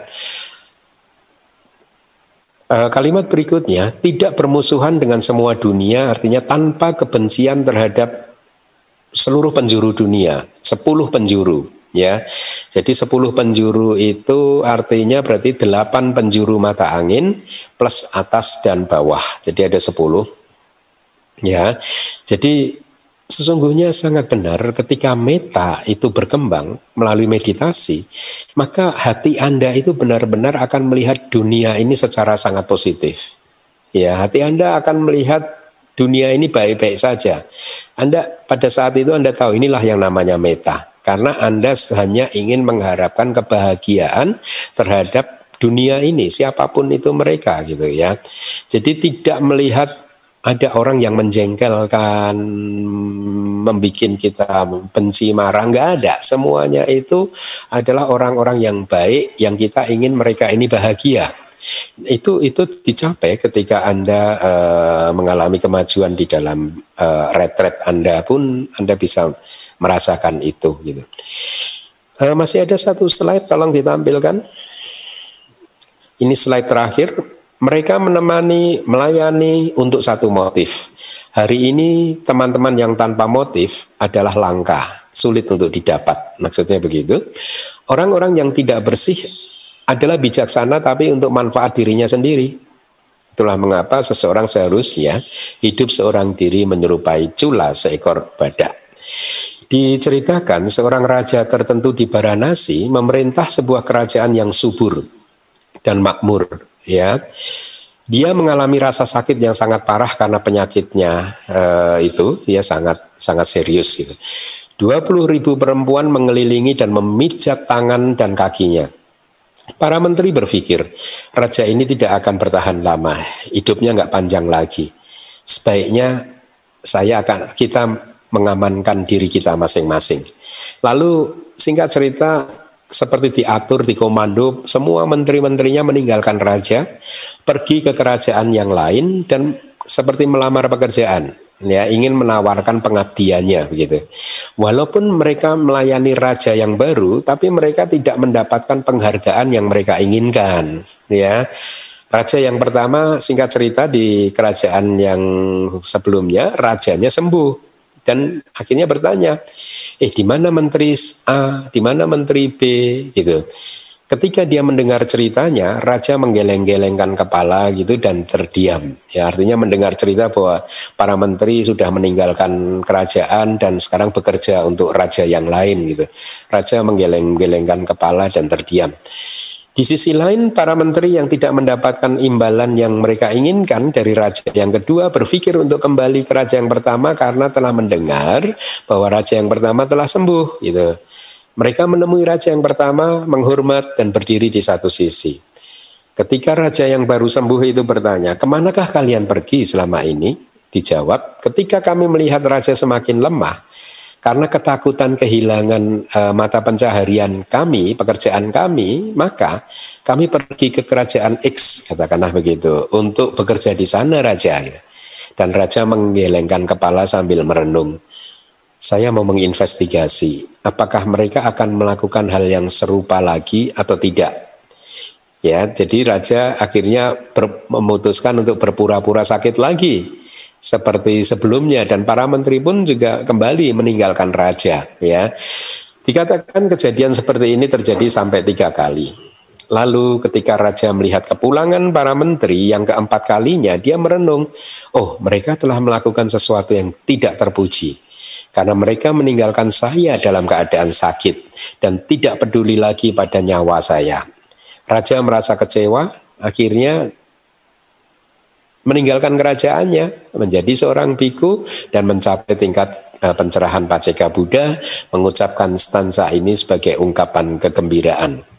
Arti dari mereka menemani adalah mereka menempel secara jasmaniah dan melayani Anda. Ini teman-teman dekat Anda itu gitu ya. Mungkin pelayan-pelayan Anda dan lain sebagainya.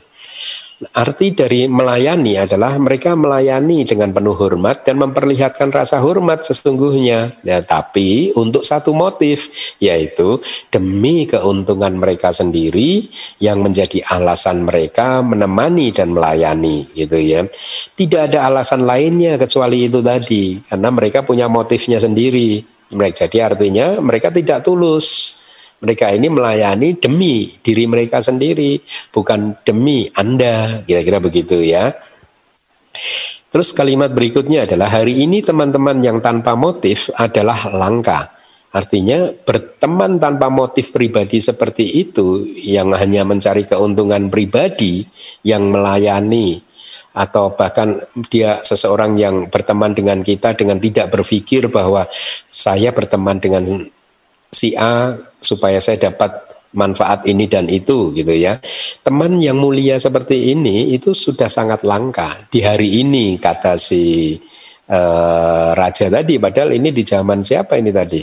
Buddha kasapa atau bukan? Jadi artinya sebenarnya sifat manusia itu ya akan selalu sama seperti itu. Di zaman dulu seperti itu, di zaman sekarang pun hari ini juga itu susah kan mencari teman yang seperti itu, ya.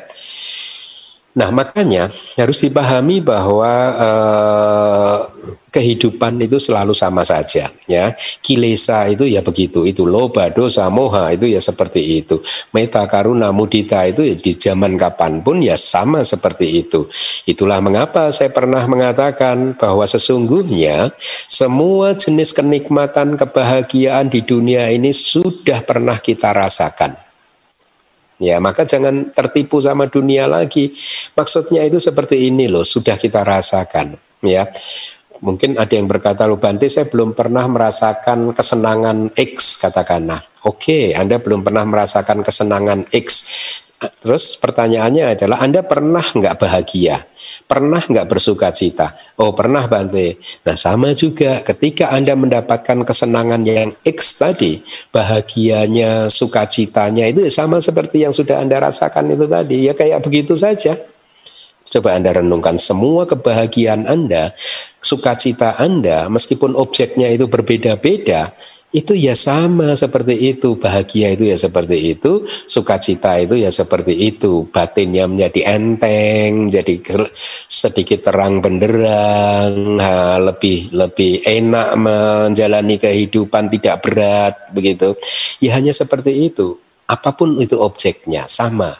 Itulah mengapa sesungguhnya semua jenis kebahagiaan, kesenangan, sukacita di dunia ini sudah pernah kita rasakan. Dan sebaliknya, semua jenis penderitaan, kesedihan, kejengkelan, kebencian, rasa sakit hati, dan lain sebagainya sudah pernah kita rasakan. Jadi, jangan takut lagi dengan dunia, jangan melekat lagi kepada dunia, karena toh hanya seperti itu saja. Ya seperti Anda yang mengalami kebahagiaan, sukacita, ya seperti itu. Penderitaan itu ya seperti itu, duka cita ya seperti itu, sakit hati ya seperti ya seperti itu saja, sama, tidak ada yang berbeda. Nah, kalau Anda bisa memahami hal seperti itu, maka batin Anda akan menjadi mudah damai gitu ya. Nah, teman yang mulia digambarkan seperti di dalam slide ada seorang teman yang adalah seorang penolong seorang teman di saat suka dan duka, seorang teman yang menasehati hal-hal yang baik, dan seorang teman yang memiliki rasa sayang. Arti dari uh, itulah seorang teman yang harus kita cari sesungguhnya. Seorang teman yang siap sedia menjadi penolong, seorang teman yang selalu menemani kita tidak hanya saat kita suka bahagia saja, tetapi juga ketika kita sedang duka atau sedang uh, kehidupan kita sedang tidak baik, seorang teman yang menasehati hal-hal yang baik dan seterusnya. Itu yang harus kita cari. Ya. Nah, di slide tadi ada kalimat orang-orang yang tidak bersih adalah bijaksana untuk manfaat dirinya sendiri. Artinya adalah mereka ini bijaksana tapi untuk dirinya sendiri saja. Kalau untuk orang lain mereka nggak bijaksana gitu. Jadi jarak pandang mereka itu sangat pendek gitu ya. Hanya melihat kehidupan sesaat-sesaat saja gitu dan lupa bahwa ada hukum yang mengatur ini semua gitu. Maka pandangannya itu terbalik itu tadi ya. Lupa bahwa juga ada kehidupan setelah ini ya yang akan datang sebagai akibat dari perbuatan-perbuatan atau karma-karma uh, dia gitu ya. Nah, uh, di suta yang lain itu ada kata-kata Buddha sangat langka ditemukan di dunia ini dua jenis manusia ini ya jadi dua jenis manusia ini sangat langka di dunia ini yang pertama adalah pubak kari pubak kari itu adalah seseorang yang berinisiatif untuk melakukan kebaikan sebelum orang lain melakukannya. Ya dia akan melakukan kebahagiaan pertama-tama sebelum orang lain. Jadi dia akan menawarkan bantuannya terlebih dahulu ya. E, sebelum e, apa sebelum orang lain melakukannya atau sebelum juga diminta oleh orang lain gitu ya itu pubak kari sulit ditemukan di dunia ini kemudian yang kedua jenis orang yang kata new, kata wedi. Kata new, kata wedi itu dua kualitas hati. Kata new itu artinya adalah mengetahui bahwa orang lain sudah berbuat baik kepada kita. Ya kita harus begitu, kita harus merenung. Ya, renungkanlah coba di dalam kehidupan ini banyak sekali orang yang sudah berbuat baik kepada kita. Ya saya selalu merenung. Kalau saya merenung biasanya saya merenungkan guru-guru saya gitu ya. Karena mereka ini benar-benar orang yang sudah berbuat baik kepada saya. Nah, bayangkan tanpa guru-guru saya saya tidak akan pernah bisa menjadi seperti hari ini. Ya bahkan hubungan baik dengan semua guru-guru saya itu saya jalin sampai hari ini uh, termasuk juga uh, kepada seorang Sayale uh, yang memang adik beliau ini adalah seorang guru yang berjasa karena dia telah mengajarkan abidama dengan sangat baik kepada saya, itu pun hubungan-hubungan itu selalu masih saya jaga sampai hari ini kepada semuanya gitu. Dan saya mengakui bahwa mereka ini adalah orang yang berjasa, itu kata new. Nah kata wedi itu adalah kehendak untuk membalas budi ya untuk membalas jasa kebaikan mereka gitu. Nah, orang-orang seperti ini sangat sulit untuk didapat ya. Kenapa saya menceritakan ini supaya akhirnya mari kita menjadi seorang pubakari dan seorang yang bisa melakukan lagi kata new dan kata wedi gitu. Baik, itu uh, sutanya sudah selesai. Uh, dengan demikian Kagak Wisana Suta sudah selesai kita pelajari meskipun ada beberapa yang saya lompati ya. Minggu depan kita akan belajar suta yang baru itu ya. Terima kasih. Sadu sadu sadu. Anumodana Bante atas penjelasan suta yang telah disampaikan kepada kami. Semoga kami semua mendapatkan manfaat tertinggi dari pendengaran dhamma ini. Bagi kalian yang membutuhkan slide kelas Pariyati Sasana ini dapat mengunduhnya di website DBS di www.dhamawihari.or.id atau ada di tautan pada deskripsi YouTube ceramah kelas hari ini. Selanjutnya, kita akan memasuki sesi tanya jawab. Untuk itu kami akan bacakan kembali tata tertib sesi tanya jawab ini. Saat sesi tanya jawab berlangsung, bagi kalian yang ingin bertanya, silahkan langsung klik tanda raise hand di mana fitur ini ada di bagian reaction, tepatnya di bagian bawah kanan bagi yang menggunakan komputer dan ada di bagian more bagi yang menggunakan handphone. Host akan menentukan siapa yang mendapatkan giliran untuk bertanya dan diharapkan pertanyaan sesuai dengan topik ceramah. Bagi Kalimita yang diperbolehkan bertanya akan di-unmute oleh host dan kami harapkan Kalimita untuk memperkenalkan diri terlebih dahulu dengan menyebutkan nama dan kota atau negara tempat domisili. Dikarenakan adanya keterbatasan waktu, maka harap maklum apabila tidak semua penanya akan mendapatkan giliran. Dan supaya memberikan kesempatan kepada semua kalimita yang ingin bertanya, kami mohon agar masing-masing penanya hanya mengajukan satu pertanyaan terlebih dahulu. Kesempatan pertama kami berikan kepada saudara Joni. Kepada saudara Joni, silahkan. Joni Bante. Iya Pak Joni. Saya Joni dari Medan. Uh, saya tadi uh, mendengar yang mengenai sunya kapa. Nah ini kan dengan adanya sunya kapa ini samsara semakin berbahaya ya. Uh, mengingat berarti kita harus berjuang jangan sampai sunya kapa kita masih belum mencapai kesucian. Kira-kira begitu. Tapi masalahnya bagi kita sebagai umat rumah tangga, kalau nggak salah kan ada sutanya bahwa sebelum mencapai sotapati, sotapana, kita alam penderitaan masih terbuka untuk kita. Dan juga tidak ada jaminan bagi para upasaka yang eh, berjalan di Jandarma itu pasti terakhir di alam bahagia supaya bisa segera melanjutkan pelatihan uh, dirinya supaya segera mencapai kesucian.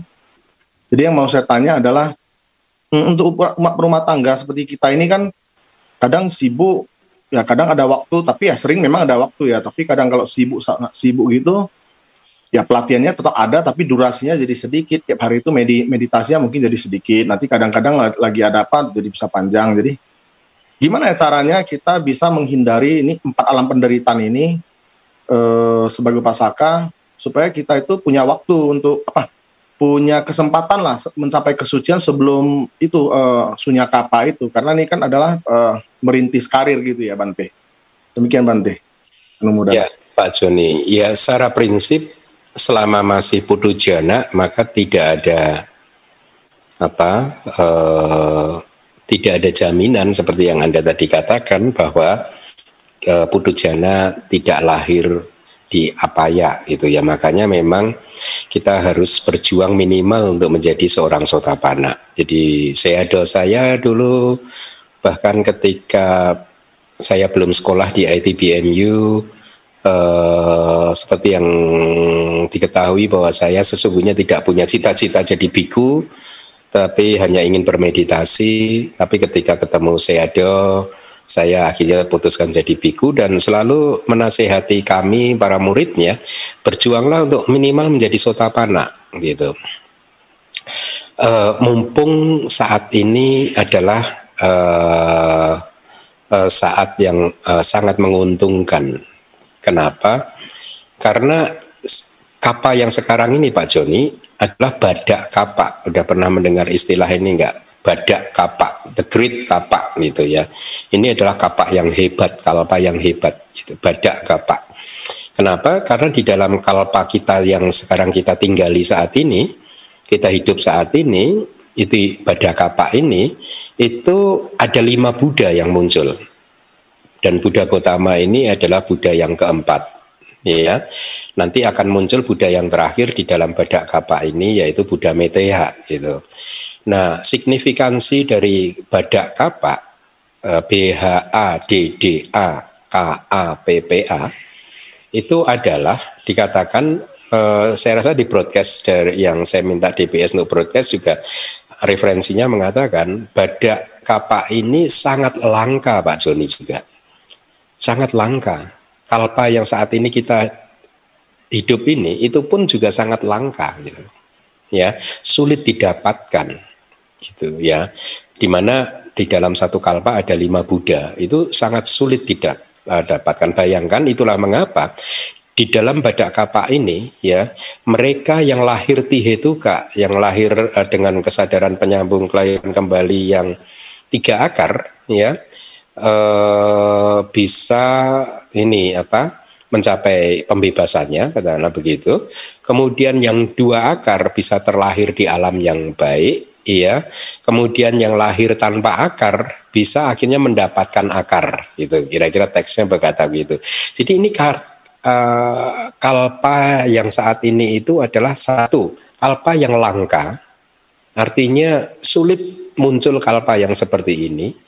Dan juga manfaatnya adalah karena itu tadi banyak manusia yang tiga akar akan mencapai pembebasannya, kebebasannya. Yang dua akar akan terlahir di alam yang baik dan akhirnya mendapatkan tiga akar.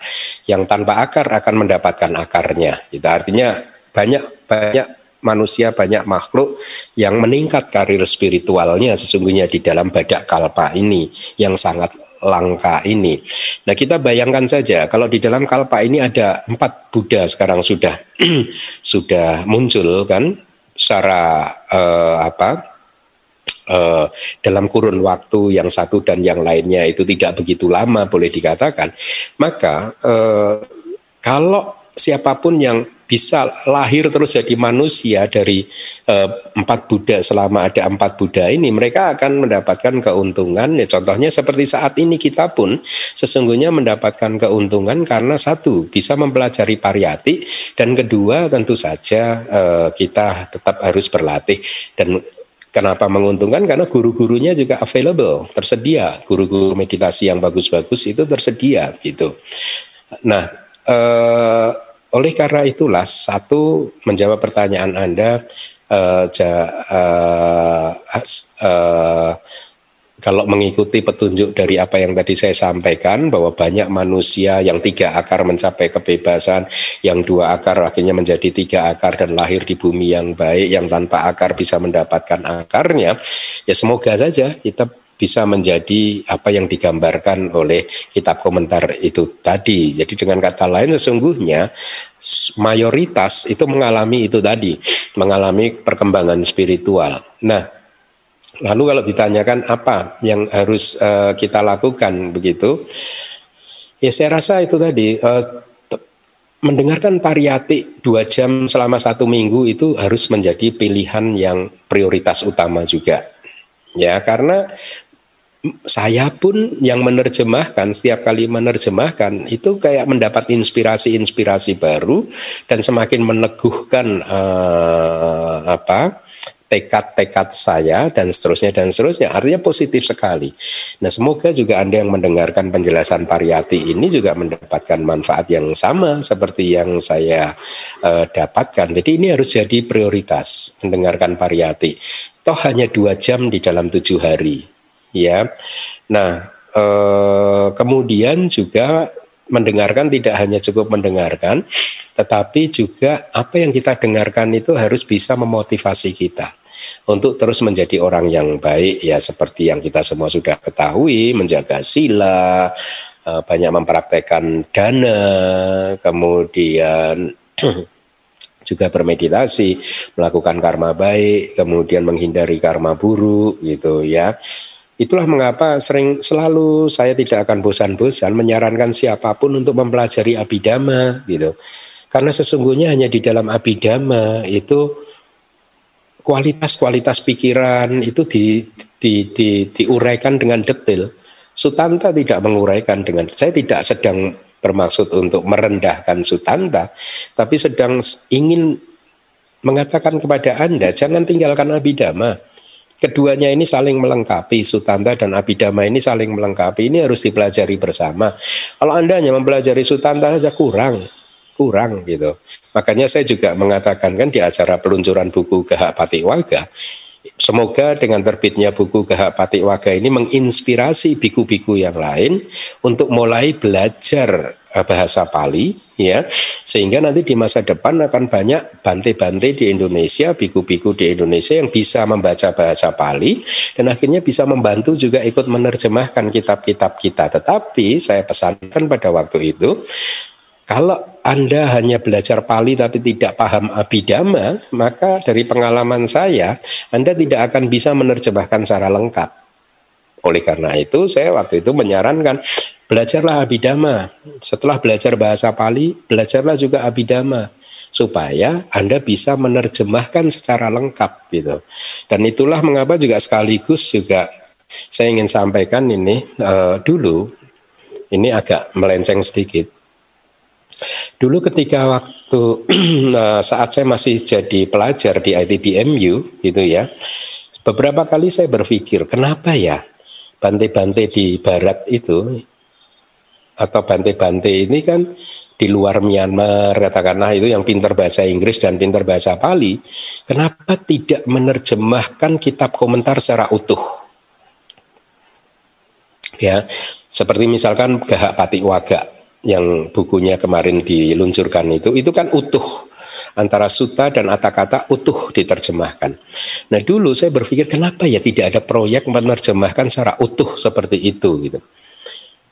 Bante Bodi yang saya hormati sudah menerjemahkan beberapa, cukup banyak gitu ya.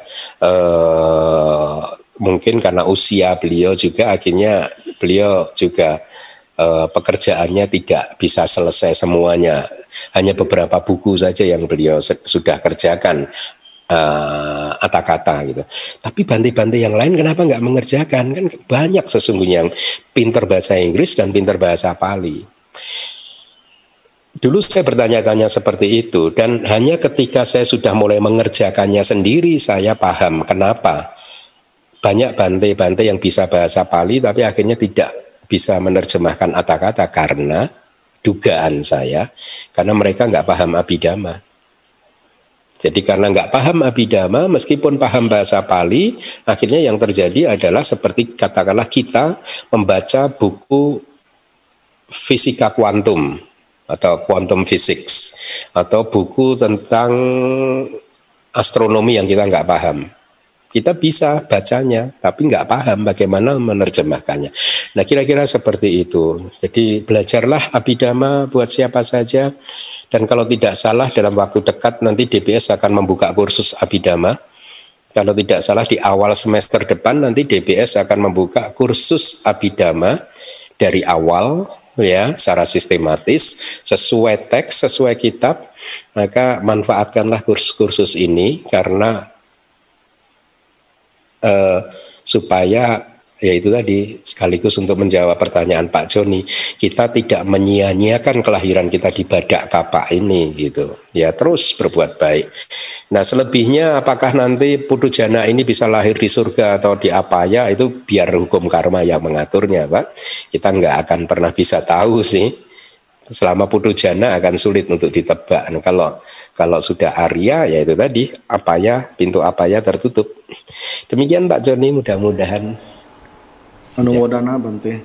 Ya. Baik, terima kasih Bante untuk penjelasannya. Kesempatan berikutnya kami berikan kepada Bapak Sabarchan. Kepada Bapak Sabarchan kami persilahkan. Bante. Ya, Pak Sabar. Sudah lama gak jumpa nih. iya, Pak. Hmm. Bante, saya kadang-kadang gini, saya mau tanya ya, itu mengenai yang lima sila itu, kan pernah saya dengar sering itu kita asal bisa menjalankan lima sila ini, kita bisa mm, masuk ke alam dewa misalnya contoh ya. Hmm, tapi kalau menurut saya sih kalau yang yang namanya begitu gampang, yang namanya lima sila itu, banyak yang putu jane itu gak kenal itu yang namanya yang namanya itu lima sila itu kan di sana kan tidak membunuh, mencuri, berzina segala macam itu kan memang orang itu banyak sih e, menjalankan itu ya. Tapi kak, yang banyak yang saya lihat itu menjalankan sila ini, dia merasa itu saja. Padahal ya, kalau orang ini serakah, lobanya besar, serakahnya luar biasa, pengkhianat segala macam, tapi dia merasa menjalankan sila itu um, penting. Apakah orang begini ini bisa masuk ke dewa gitu ya? Uh, Pak Handi bisa rumuskan pertanyaannya Pak Handi?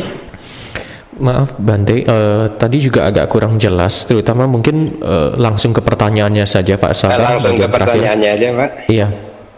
Karena gini, orang yang menjalankan sila, ya uh, itu tipata ya kan orang itu bisa tahu hafal.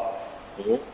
Tapi orang tersebut, saya sering lihat ya, uh, orang ini serakanya luar biasa. Memang nggak ada di sila. Maksudnya celaka apa Pak?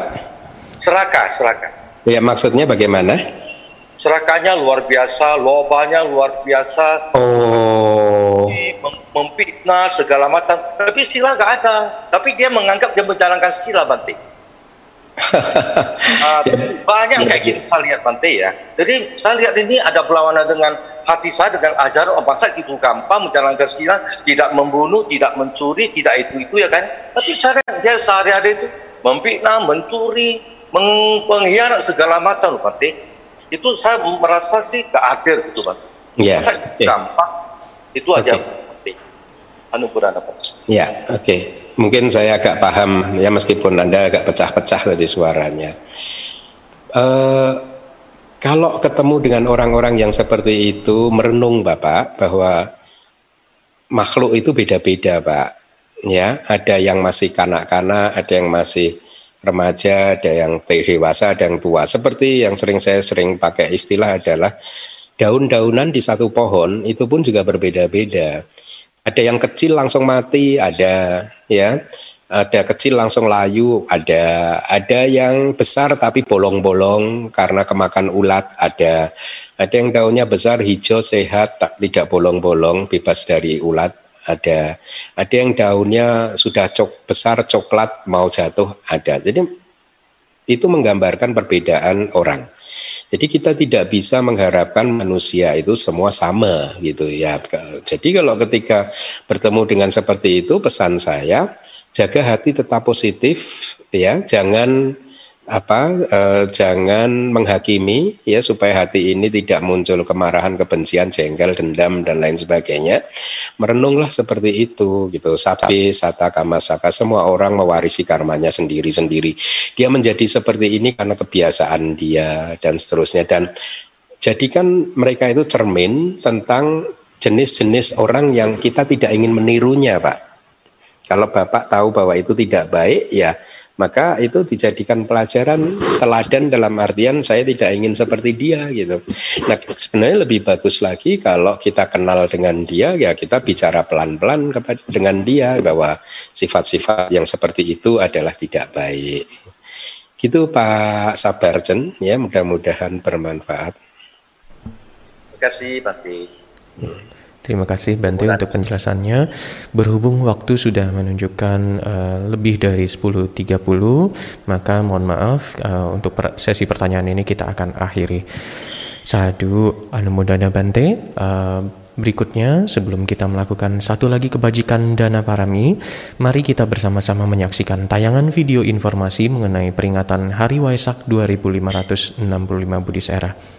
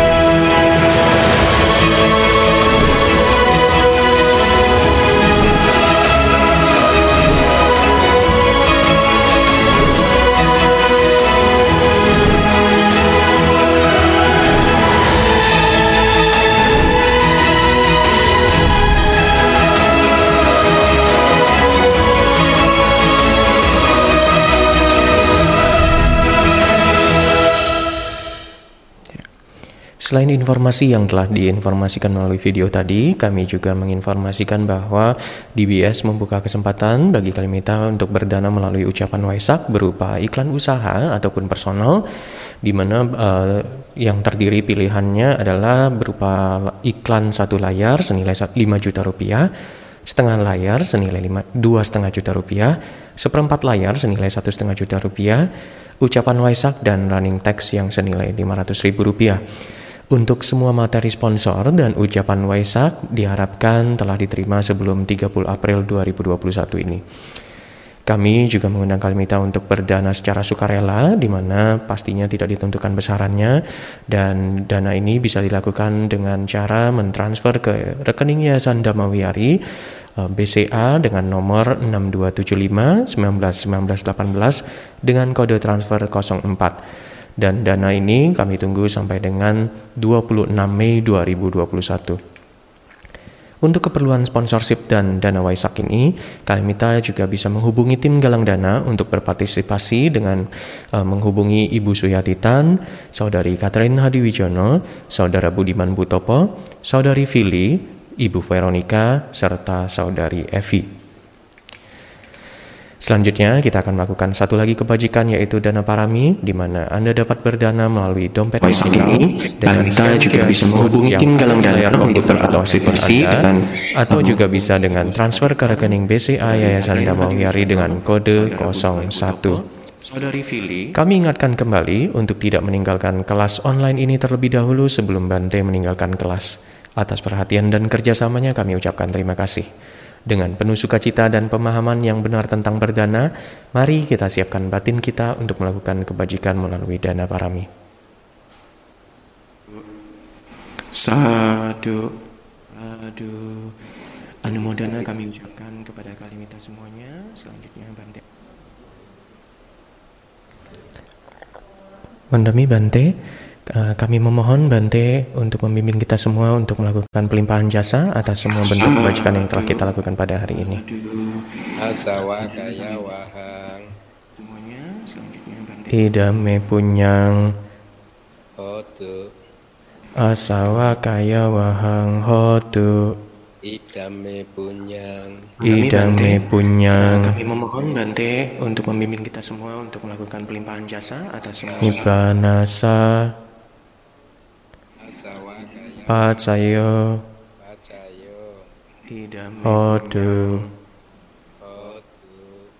asa mama punya bagang. Mama punya baga idam punya. Kami memohon Bante untuk sabak satanang. Nibanasa hajemi kajemi te sapi me samang punya bagang. Labandu semoga jasa-jasa kebajikan saya ini Larang kehancuran noda-noda batin. Mengalir obat obat Semoga jasa kebajikan saya ini semoga jasa-jasa kebajikan punya bagang. menjadi kondisi realisasi nibbana jasa kebajikan saya ini. Semoga jasa-jasa kebajikan saya saya ini membagikan bagian kebajikan kehancuran noda-noda batin. mengalir desa semua makhluk semoga jasa kebajikan saya ini semoga jasa-jasa kebajikannya bagang menjadi kondisi bagian kebajikan jasa kebajikan saya. Semoga jasa-jasa kebajikan yang sama dengan saya. Sadu sadu sadu Terima kasih Bante atas dhamma desana dan bimbingannya pagi ini. Mari kami minta semuanya kita tetap beranjali sambil berucap Anumodana Bante atas dhamma desana dan bimbingannya. Semoga Bante selalu dalam keadaan sehat dan berbahagia. Bante, semoga Bante selalu sehat. Modana Bante. ya sadu sadu happy happy